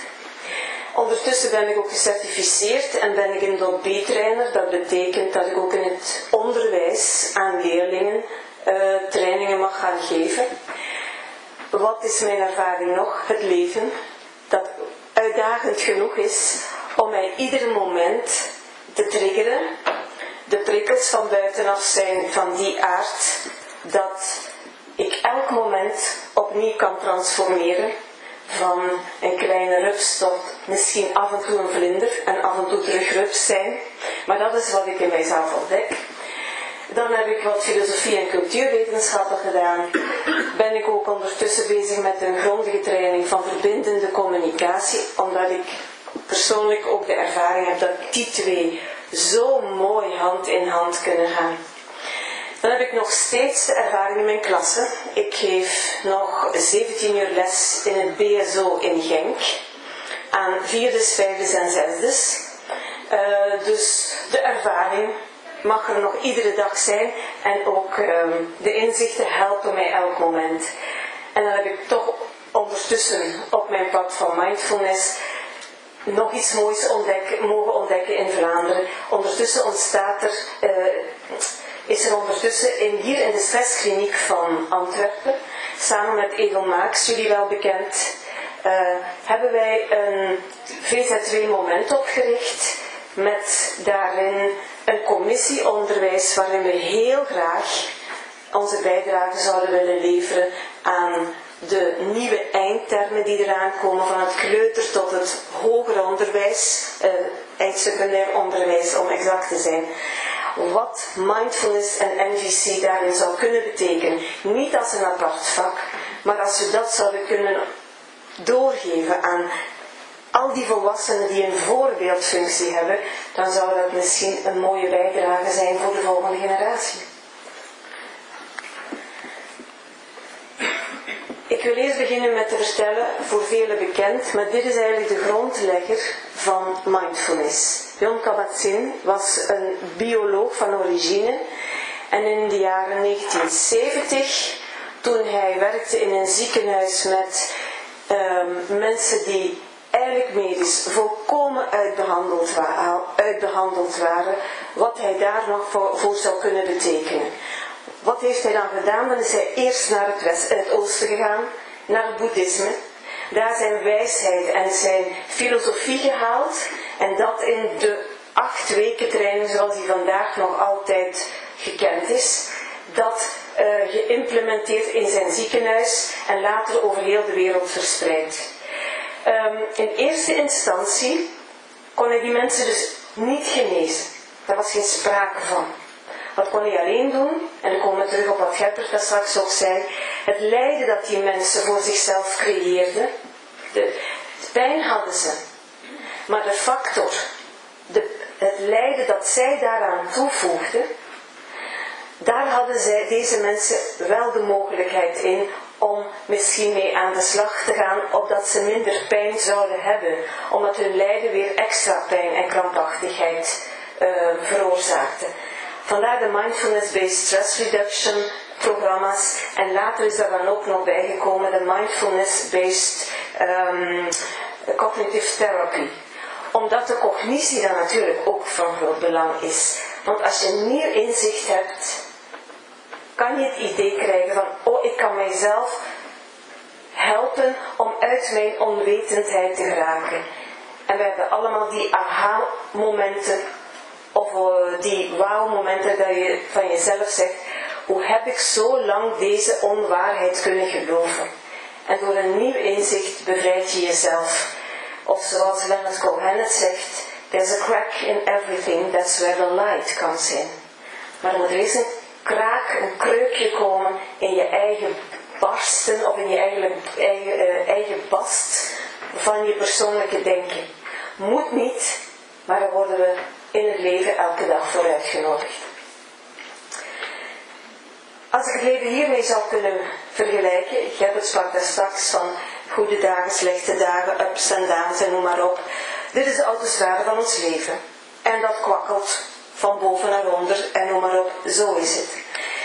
En als inleiding op waar ik vooral mee bezig ben, denk ik toch dat ik mag vaststellen dat we op dit moment in een samenleving niet alleen jongeren, maar ook wij, waar het enorm snel gaat. De complexiteit neemt toe. De onzekerheid. Heb ik morgen mijn baan nog? Zal ik mijn partner nog mogen ontmoeten morgen? Um, zal ik nog gezond zijn? Zoveel onzekerheden in het leven. En daarbij komend, de dag van vandaag, want we hebben hem allemaal bij de hand, de aandachtseconomie die vooral wordt gestuurd door alles wat met iPad, gsm's, uh, dat soort moderne media. En ondertussen zijn er toch tekenen van dat we daar uitgedaagd voor worden. Want ik wil op alle momenten niet zeggen dat ik daar tegen zou zijn, integendeel. Dit heeft ons uh, heel veel dingen, mooie dingen opgeleverd. Maar we zitten toch op dit moment met een belangrijk orgaan, dat stukje van ons dat onder stress staat. Ons brein, onze geest, onze mind, die grijpt naar oude patronen, omdat hij niet beter weet. Hij lijdt een beetje. En ik denk dat we daar op dit moment een grote opdracht in kunnen zien, een uitdaging in kunnen zien. Hoe gaan we daarmee om? En als ik het even mag illustreren met iets wat in de laatste klasse stond. Um, aandacht is het nieuwe IQ. Jonge mensen, oudere mensen, maakt niet uit welke leeftijd. Waar we, als we ons niet meer kunnen focussen, als onze mind op hold slaat, als we ons laten meeslepen door al de prikkels en de triggers die er zullen zijn, die zijn er altijd, dan wordt ons brein moe. En dan gaat hij naar een oud patroon grijpen van ik kan het niet meer aan, ik ben moedeloos, ik uh, zie het niet meer zitten. Uh, hij dient daar, of ons brein wordt uitgenodigd om daar nieuwe vaardigheden in te leren. Dit is een uitspraak van Elke Gerards, neuropsychologe, die dat de laatste, in de laatste klasse schreef. Digitale prikkels schreven voortdurend om aandacht. Ze putten je gretige brein uit en maken dat je steeds minder lang kan focussen. Ik weet niet of u die ervaring heeft, maar leerlingen van, waar ik mee te maken heb, die kunnen geen 20 minuten naar een journaal kijken bijvoorbeeld. De, de, de lengte van de aandacht is enorm gekort. Wil dat zeggen dat ze dat niet zouden kunnen? Uiteraard wel. Maar we hebben, zo, we hebben het en te weinig de kans geboden, denk ik, om dat terug aan te leren. Ik heb op dit moment in mijn vijfdejaars leerlingen zitten uit het BSO. Die staan soms aan de klas. Mevrouw, geen pc vandaag, hè? Dus mijn leerlingen geven al een signaal. Oh, wat is er aan de hand? En terug gefocust met iets bezig zijn. Dat is altijd geen mindfulness. Maar, maar de uitdaging die komt er nu nog eens bij. En zoals dit is een citaat van Jon Kabat-Zinn zelf. Ook deze uitdaging die kunnen we niet tegenhouden. Uh, de storm die in uw leven zich soms aandient. De hoge golven, de turbulentie, die kunnen we niet wegnemen. Maar wat kunnen we wel doen? Je kunt op die golven leren surfen. En wat is dan mindfulness? Wat zou mindfulness kunnen betekenen? En ik kom hier ook terug op wat daar straks al gezegd is. Je moet het niet geloven. Als ik naar de trainingen ga van Edel Maaks of David de Wulf of van eender wie, de grote mindfulness trainers in Vlaanderen, dan is dat de boodschap die ze geven. Je moet mij niet geloven en kijk eens wat het met je doet. Wat is mindfulness? Want zo zitten we er heel vaak bij. We hebben de ervaring, de beleving van wauw, ik word overweldigd. Het is, ik, ik word daar juist verward door. Ik zie het bos door de bomen niet meer. Hoe kan ik in de chaos toch mijn interne vrede vinden? Waar ik ook ben. En dit is een citaat of een. Ik heb gezocht naar een paar definities die het meest neutraal kunnen weergeven wat mindfulness zou kunnen betekenen. Mindfulness beoogt een innerlijke balans te vormen. En een balans mag niet suggereren dat die altijd egaal zal zijn. Want dan zouden we, met een, dan zouden we pleiten voor een apathische samenleving. Dat is zeker niet het geval. Een innerlijke balans te vormen die je helpt het leven te benaderen. Niet altijd te begrijpen, maar te benaderen met een grotere stabiliteit, begrip en wijsheid. Zo zegt Jon Kabat-Zinn het. Dit is een citaat van Edelmaaks. Mindfulness staat voor een kwaliteit van aandacht. Een manier van omgaan met wat zich aandient. We houden even op met wat we bezig waren en kijken met een milde, open aandacht naar wat er is. Er is een middenweg tussen de werkelijkheid negeren en er als in een maalstroom in meegesleept worden. zoals Scherpers straks ook al zei, de omstandigheden kunnen we heel vaak niet kiezen. Ik, uh, ja, en ik denk dan vooral aan onderwijsmensen, weer een vernieuwing, weer een schaalvergroting. Uh, dat hebben wij niet te kiezen. Maar hoe ik ermee omga, daar ligt mijn enige vrijheid en mijn enige keuze. Dat doe je niet met je oude brein, dat doen we met ons nieuwe brein. Onze prefrontale cortex wordt aangesproken. En ik, als ik de leraarskamer ook bij mij, bij ons binnenga, dan kan ik mij laten leiden door het klagen, zagen en zeuren. Of ik kan zeggen, en wie wil ik zijn?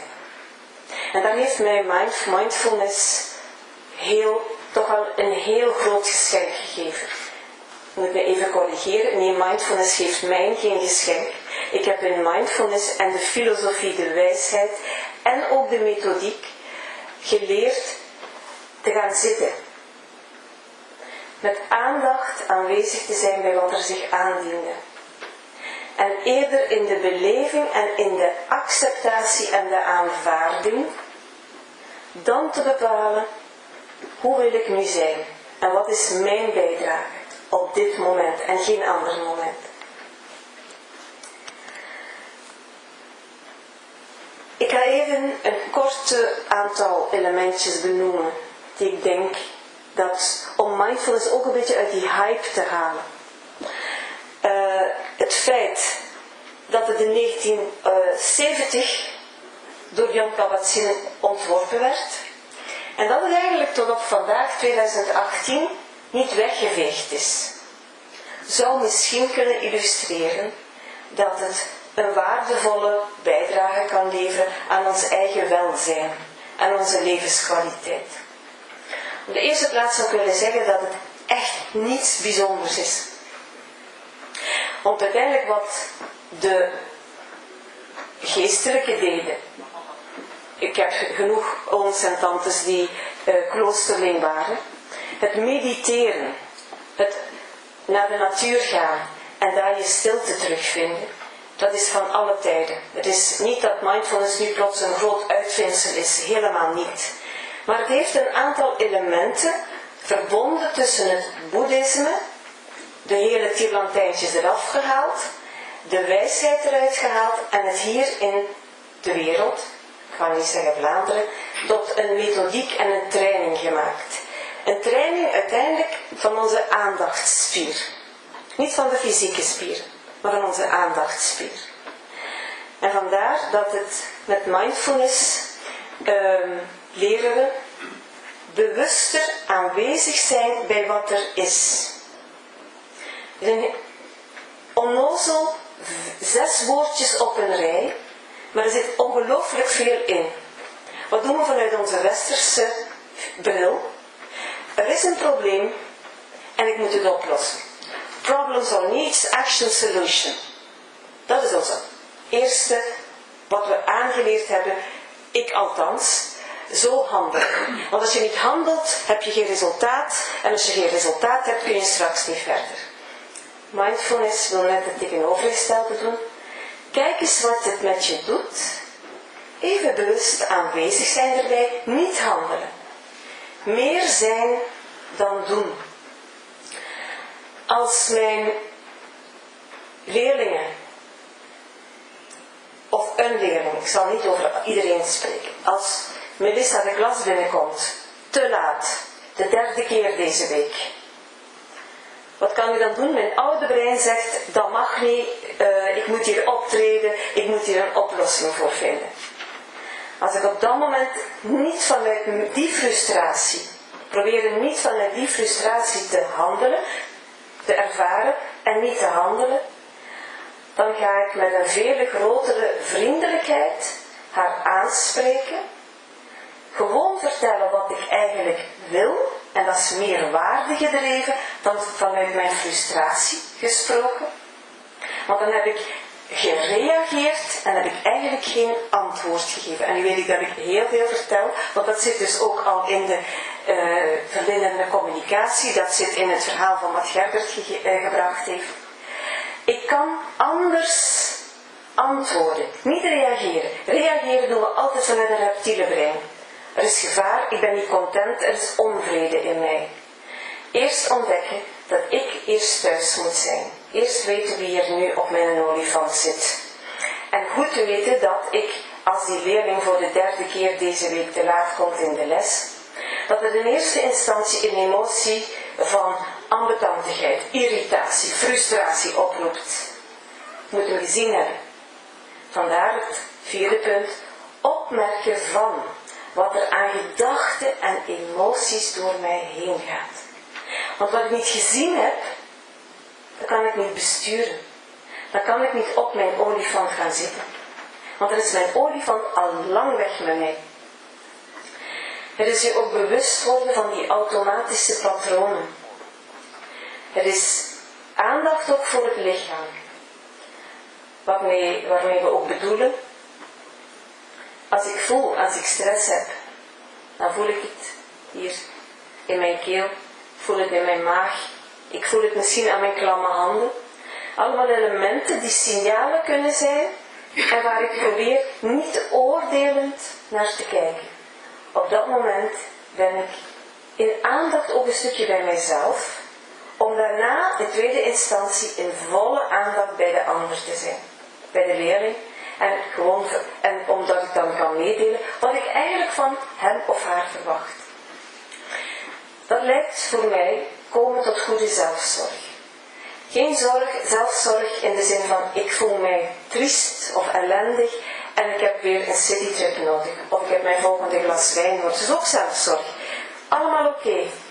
Maar dat is de zelfzorg die ons doet afleiden van, de, van wat er gaande is. Zelfzorg heeft hier te maken, oh, welke, welk circus er zich in mij af? En ik heb nu de vrijheid, als ik ze zie, om anders te antwoorden.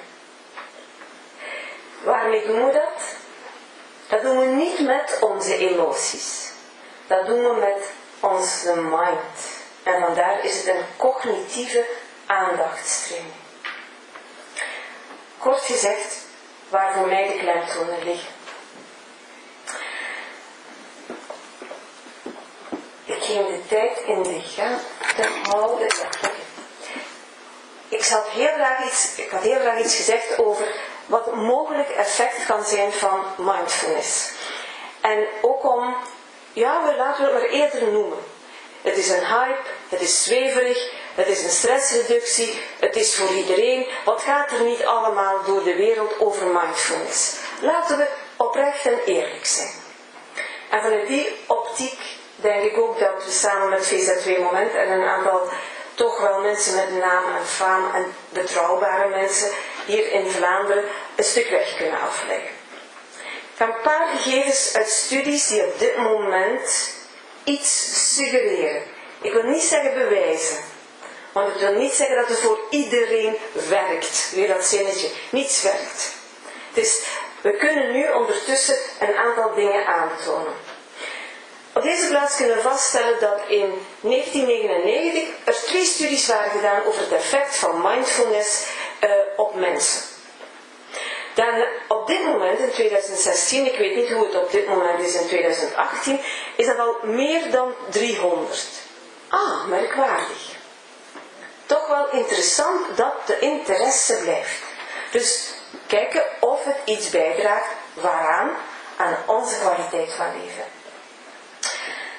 Het, uit deze studies blijkt onder andere dat het beter dat de ontwikkeling van zelfcontrole en het reguleren van emoties toch wel beter ontwikkeld zijn. Onze jongeren van vandaag, en ik spreek vooral over de jongeren, want daar heb ik het meest mee te maken. En in de zin van, niet omdat ik hen wil beoordelen, maar omdat ik eh, toch wel opmerk dat we er niet altijd in slagen om kwalitatief onderwijs te verstrekken, omdat de mindset van kinderen zo oververhit zijn. En in die optiek denk ik dat mindfulness, en daar zal ik straks iets over vertellen, wat kan dat betekenen voor onderwijs? Door mindfulness kan men aan, of zal men kunnen aantonen dat de prefrontale cortex, ook al in het lager onderwijs en het vooral secundair onderwijs, omdat dat biologisch ook uh, meer zijn effect zal hebben, dat dat zou leiden tot een betere sturing. En kinderen kunnen dit ook aanleren. Dat is niet, dat word je niet mee geboren. Onze natuur is zo niet. Dat doen we in de cultuur. En het zal bijdragen. Het zou zelfs na zes maanden na een training mindfulness, kan men vaststellen, dat mensen zichzelf minder op hun kop zitten. Minder zelfkritiek, minder piekeren. Problemen zijn niet weg. Maar men heeft een mindset gevonden om er vriendelijker mee om te gaan.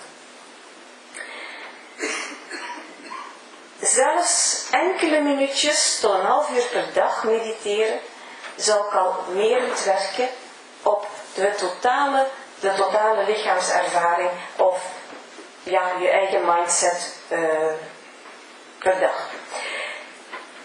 Dan heeft men kunnen vaststellen dat na 30 uur uh, mindfulness met alle oefeningen erbij, over acht weken verspreid, dat zelfs de amygdala, dat centrale stuk waar de emoties gereguleerd worden, minder reactief is. Mindfulness bestaat uit allerlei oefeningen en daar worden onder andere compassiemeditaties in gedaan, gewoon uh, aandachtsmeditaties, maar blijkbaar zou de compassiemeditatie na zeven uur al meer empathie en positieve gevoelens opwekken. Waarbij ik al de link kan leggen naar als wij onze scholen tot minder bij onze jongeren het cultiveren van minder gewelddadigheid in zichzelf, dan zou dit misschien een idee kunnen zijn. Acht minuten mindfulness oefeningen, over twee weken verspreid, zou al leiden tot minder afdwalen van de geest en het versterkte concentratie en het werkgeheugen. Twee maanden mindfulness zou een afname opleveren van op zichzelf gerichte automatische piloot. Dat reactieve, dat constant de kop komt opsteken. Blijkbaar zou dit daartoe bijdragen. Niet voor iedereen, maar door de band genomen, het zijn altijd studies. Het is nog altijd de persoon zelf waarvoor het iets zou kunnen doen. En zo verder enzovoort. Ik heb hier ook een aantal bronnen bijgezet waar ik het gehaald heb.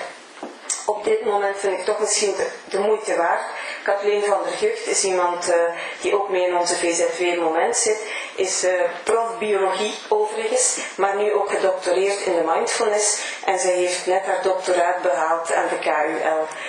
Eh, samen met Philippe Raas. Hm.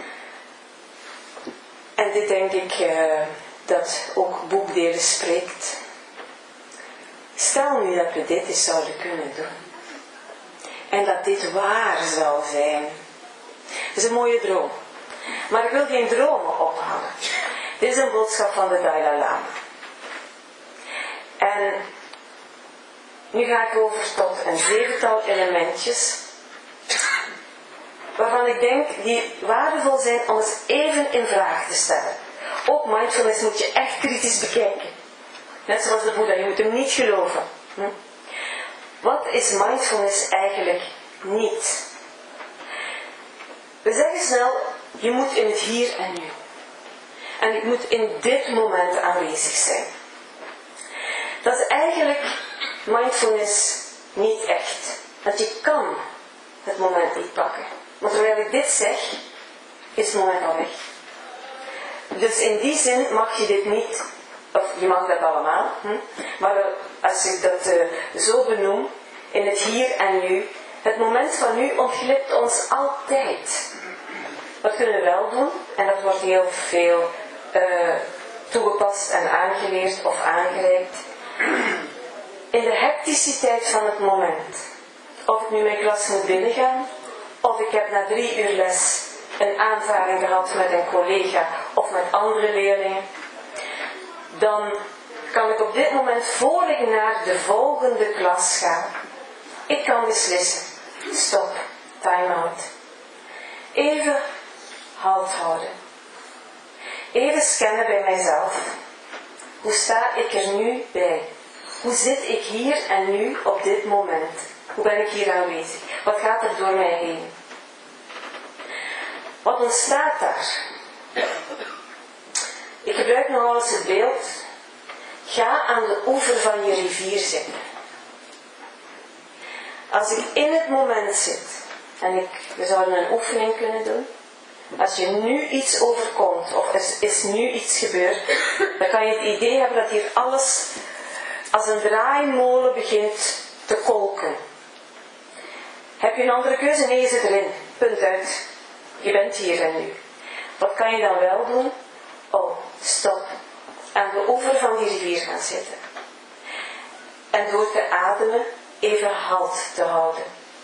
En te voelen wat de gedachten, emoties en lichamelijke gewaarwordingen gaan er nu door mij heen. Dit kan ik doen voor mijzelf. En dat kun je ook met leerlingen doen. Als ik dit in de klas doe, als een leerling overstuur is, en ik vraag haar, kom eens even hier. Stop eens. Sluit twee seconden je ogen. Wat gaat er nu door je heen? Die komt al tot bedaren. Niet als iemand in paniek is, uiteraard niet. Maar het zijn van die kleine dingen waarin we met mindfulness en de houding ook niet altijd in een hele grote meditatiesetting moeten hebben, maar gewoon praktisch toepassen op dit moment. Nog zo'n idee, een mythe. Mindfulness is zweven op een kussentje. Joepie, let's be happy. Hm? Uh, je wordt geraakt naar een dromenwereld. Als daar mindfulness toe zou herleid worden, dan denk ik niet dat dit lang zal overeind blijven. Want dan kunnen we terug beter onze geitenwolle sokken aantrekken of als een hippie in een tentje gaan wonen. Ik wil het even overdrijven. Is niet zweven op een kussentje. Of zoals Edel Marx het uitdrukkelijk zegt. Nee, het is net omdat je je mindset ochtends of op vaste tijdstippen tijdens de dag misschien wel hierin gebracht hebt, dat je dan door de dag, door de hecticiteit van de dag, midden in die maalstroom van het leven, dat nieuwe brein tot actie kan doen overgaan. Of David van Rijbroek zei op, de op het laatste congres, nee, mindfulness, waarvoor, waarvoor moet dat dienen? Daar waar het leven schuurt, waar het lastig is. Want anders is het voor, uh, dan moet je terugtrekken, dan moet je op een eilandje gaan leven. En daarvoor is het jammer, uh, mag het ook niet dienen overigens. Of zoals Thich Nhat het zo mooi schrijft, Thich Nhat de Vietnamese monnik, die er op de dag van vandaag, uh, hij leeft nog, uh, wel ernstig ziek geweest, maar hij leeft nog en hij inspireert nog elke dag. En hij zegt ook uitdrukkelijk, haal die meditatie uit de meditatieruimte. Breng die naar de werkvloer, breng die naar de artsenpraktijk, breng die naar de scholen, zodat de scheiding tussen mediteren en niet mediteren vervalt. Het is een state of mind. Het is een mentale houding. En ja, ik ga dadelijk nog iets zeggen hoe edelmaat bijvoorbeeld zou noemen. Dit is het ook niet, zweven op een kussentje. Wat ik persoonlijk wel van belang vind, voor mijzelf, als ik ochtends mijn meditatie niet heb gedaan, voel ik toch dat de kwaliteit van mijn leven anders is. Stilte momenten inbouwen. En nu moet ik, wil ik hierbij niet mee illustreren dat alleen maar dat op een kussentje gebeurt. Integendeel.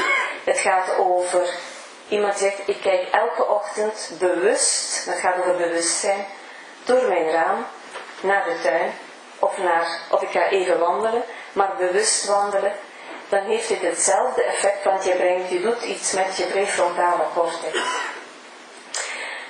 Wat is er nog niet? Men zegt soms, ah, niet oordelen en totaal waardevrij. Dat lijkt mij zeer gevaarlijk. Je kan niet oordelen. Als een leerling een ongelooflijk haatdragend idee naar een andere leerling uit, dan kan ik niet anders dan erover oordelen. Het is dus ook niet waardevrij, want ik vind dat respect een van mijn waarden. Leren opvoeden tot respectvolle mensen, vredevolle mensen, dat, dan heb ik daar een rol te vervullen. Het voorbeeld geven is hier heel belangrijk, dat kunnen we niet zonder. Dus je kunt niet zonder oordelen en waarden. Je gedachten kunnen wel komen en gaan. Ik moet ze niet vasthouden. Want als een, gisteren zei nog een leerling, heel klas natuurlijk, want dat zijn de uitspraken die mijn leerlingen doen. Mevrouw, en dat klinkt hier in Antwerpen misschien heel hard. Mevrouw, ik haat Joden. Hm, heel vers. Oh, dan gaat er letterlijk iets door mij heen. Wat doe ik dan? Dan kan ik in mijn reactieve brein schieten en dat kind uh, naar buiten sturen. Uh, betitelen als onverantwoord, onbeschoft, onrechtvaardig. Dat zijn oordelen, die heb ik wel gemaakt, maar dat blijft op mijn interne wereld. Wat doe ik in mijn uitwendige wereld? Ga ik met die leerling spreken na de les over hoe ze ertoe komt dat, dit dat ze deze uitspraak doet. En ik heb hier een rol te vervullen. Ik ga die leerling, als ik haar vrijdag terugzie, nu ook niet bestempelen als de leerling die Joden. Deze leerling heeft vanuit haar kennis en haar onwetendheid zo gehandeld. Ehm, en die houding, die kan ik zelf aannemen. En dan kom ik even bij het citaat van Albert Schweitzer, die zegt, het voorbeeld geven is niet het belangrijkste. Het is het allerbelangrijkste. En ik denk dat die houding, die kan ik maar oproepen in mezelf, als ik niet vanuit mijn reactieve brein en mijn gehechtheid aan wat heeft ze toen gezegd en het is een verwend nest of welke oordelen allemaal kunnen opkomen, dat ik daar niet in blijf hangen. Het is dus zeker niet waardevrij, want ik vervul, daar roep ik mijzelf toe op, en soms gaat dat makkelijker en soms is dat moeilijker. Vermoeidheid is soms een hele cruciaal punt. Met mildheid, met vriendelijkheid, met compassion. Geen medelijden, maar compassion respect. En wat ik persoonlijk heel belangrijk vind, is de totale acceptatie van wat er in mij omgaat. En de totale acceptatie van wat er in die leerling omging om zoiets te kunnen zeggen. Wat niet wil zeggen dat ik dat goedkeur. Er is een groot verschil tussen iets accepteren, want dan komt er in mij een vredevolle ruimte van waaruit ik vrij kan handelen en waardegedreven kan spreken. In plaats van uit mijn reactieve brein dat praat over gekwetstheid, onverantwoord en zo verder. Ten vierde, maar daar is, uh, heeft Herbert het ook al over gehad, er is geen boeddhisme, het is geen geloof. Wat het wel is, het heeft de meditatietechnieken daar wel gehaald en de levensfilosofie, de levenswijsheid. En de klemtoon denk ik dat ligt op de kwaliteit van aandacht. Ik zou eerder zeggen, ja, dat vind ik ook een mooi idee. Vanuit aandacht, vanuit choiceless observation. Het keuzeloos gewaar zijn. En als ik dat kan doen, niet veroordelend, want in dat kind, of in die collega, of in die toestand, zit een bron waar nog heel veel mogelijk is. En als ik dat kan zien, daar, dat bedoelen we met de kwaliteit van aandacht voor alles en iedereen. En dit was een van de opdrachten van de Dalai Lama in het laatste boek van Daniel Goleman, voor wie ooit nog um, emotionele intelligentie heeft nu een ander boek samen met iemand anders, speciaal over meditatie. En dat heb ik daaruit gehaald. Dit was de opdracht van de Dalai Lama toen hij aan zijn groot instituut in uh, de Verenigde Staten de opdracht gaf aan iedereen die met mindfulness of met boeddhisme wil bezig zijn, dat je alsjeblieft dat ontdoet van alle tirlantijntjes, maar als het hieraan zou kunnen bijdragen, aan emotioneel in even, evenwicht is niet juist, in balans zijn. Alle destructieve emoties bij onszelf ontdekken, accepteren, herkennen, om ze daarna te transformeren, waar het daar straks over ging. Doe dat dan, zegt hij. Aarzel niet. Je moet mij niet volgen, maar pas het aan aan de context waarin je leeft. Vijfde is, ah, soms denken mensen ook van, oh ja, lekker relaxeren en ontspannen. Ik kan niet ontkennen, er zijn momenten dat dit het effect is daarvan. Maar als je daarom doet, denk dat je jezelf een illusie rijker maakt. Het is vaak juist de onrust opmerken. Oh la la la, kijk eens wat er allemaal door mij heen gaat. Onrust opmerken en die even toelaten. Vertrouwd geraken met onrust. En dan, als je ze herkent, wat je niet gezien hebt, wat je niet ervaren hebt, dan kan je niks mee doen. De vrijheid terugnemen daarna om die onrust te laten zijn en dan iets toevoegen daaraan. Want die onrust, dat is onze olifant, hè? weten we nu. Het is ook niet stoppen met denken, maar daar heeft Gerbert het ook al even over gehad. Um, stoppen met denken maakt alleen maar in jezelf wakker. Oh, het maalt hier door, uh, als, een, als een carousel, bij manier van spreken. Het lukt je niet. Het is trouwens de taak van de mind om te denken. En je zorgen te maken, oh, zelfs moet ik de bloemen nog water geven, daar moet ik dit nog doen, daar moet ik dat nog doen. En dan denk je dat je mindful op je matje zit. Doe het maar eens. Het is juist ontdekken dat het dan je denken je heel erg mee wil nemen. Wat is het wel? Oh ja, kijk eens wat mijn mind doet. Er naar kijken. Niet wegkijken.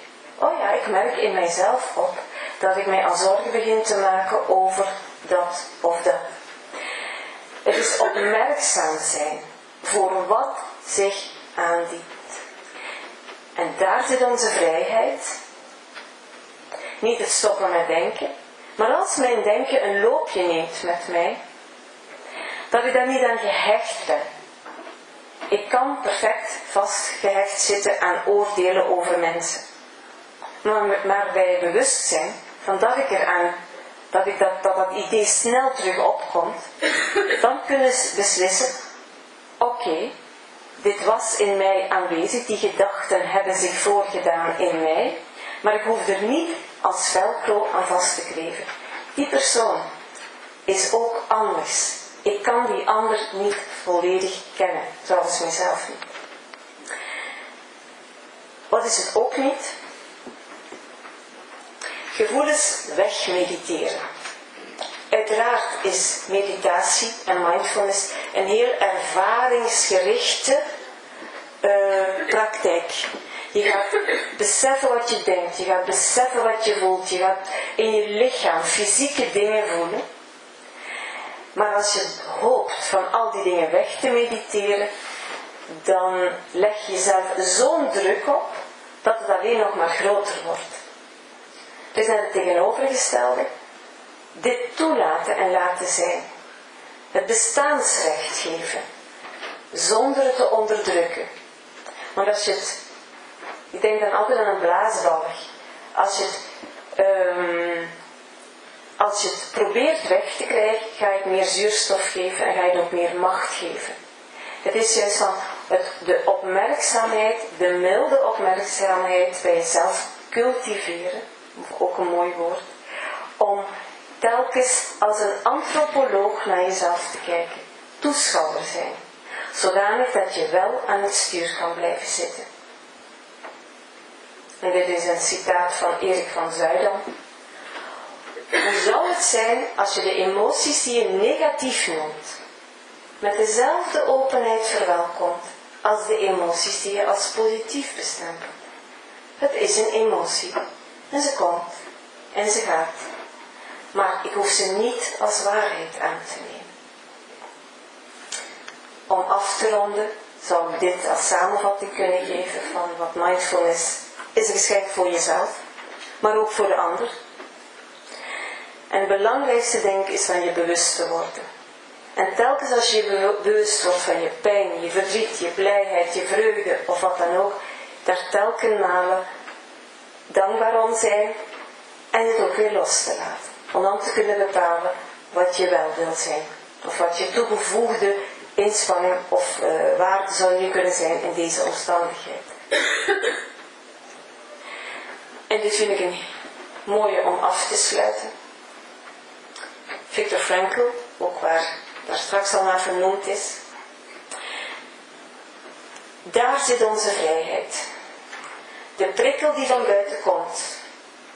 En het antwoord dat ik geef, daar zit ik tussenin. That's my space. Wat ik daarmee doe, daar ligt onze kracht, onze power. En daar heb ik keuzevrijheid. En daar denk ik dat zowel geweldloze of verbindende communicatie, die ons bewust maakt van wat er gebeurt, wat de waarneming is, wat, welk gevoel dat dat oproept, wat, uh, welke behoefte dat er onderin ligt, dat als we daar bewust van zijn, dan krijgen we een ruimte waarin we kunnen kiezen. En dat is ons bewustzijn. En dat kunnen we vanuit vrede of vanuit onvrede doen. Hiermee wil ik afsluiten om, ons, om jullie dadelijk nog even de kans te geven om wat vragen te stellen. Ik zou alleen nog willen zeggen, in de praktijk betekent dit voor mij heel concreet dat ik gelukkig de kans gekregen heb van mijn eigen directie om in mijn vierdes en mijn vijfdes en mijn zesdes deze training gedurende zeven uur te mogen geven. En ik kan alleen maar vertellen dat mijn BSO'ers, want wij zijn bang dat het niet lukt, oei oei. En ik heb eh, denk ik voor 85% islamieten in mijn klas. Dus ik noem het persoonlijk ook geen mindfulness, want dat zou te boeddhistisch kunnen lijken. Ik noem het een aandachtstraining. En tot op de dag van vandaag uh, merk ik dat mijn grootste rebel en mijn meest timide leerling er toch wel open voor staan. Niet als een aparte les, maar als een vorm van bewustwording. En mijn leerlingen geven mij gelukkig niet allemaal. Ik moet geen uh, mooie praatjes vertellen. Maar de meeste van mijn leerlingen komen daarna naar mij toe, zijn nog bij de directie al geweest. Mevrouw, waarom bent u daar niet vroeger mee begonnen? Want dit creëert zulk een kalmte in mijzelf. Want de problemen zijn ook voor die jonge mensen niet weg. En daarom denk ik dat mindfulness buiten zoveel andere dingen een meerwaarde zou kunnen zijn. En we zouden heel graag bij onze minister Grevits, we zijn daarmee bezig, een nota aan het schrijven, onder leiding van Edelmaaks, om aan de nieuwe eindtermen en de sleutelcompetenties de kans te krijgen om daar een bijdrage te, eh, in te leveren. Zowel mindfulness als geweldloze communicatie met David van Rijbroek. Dankjewel.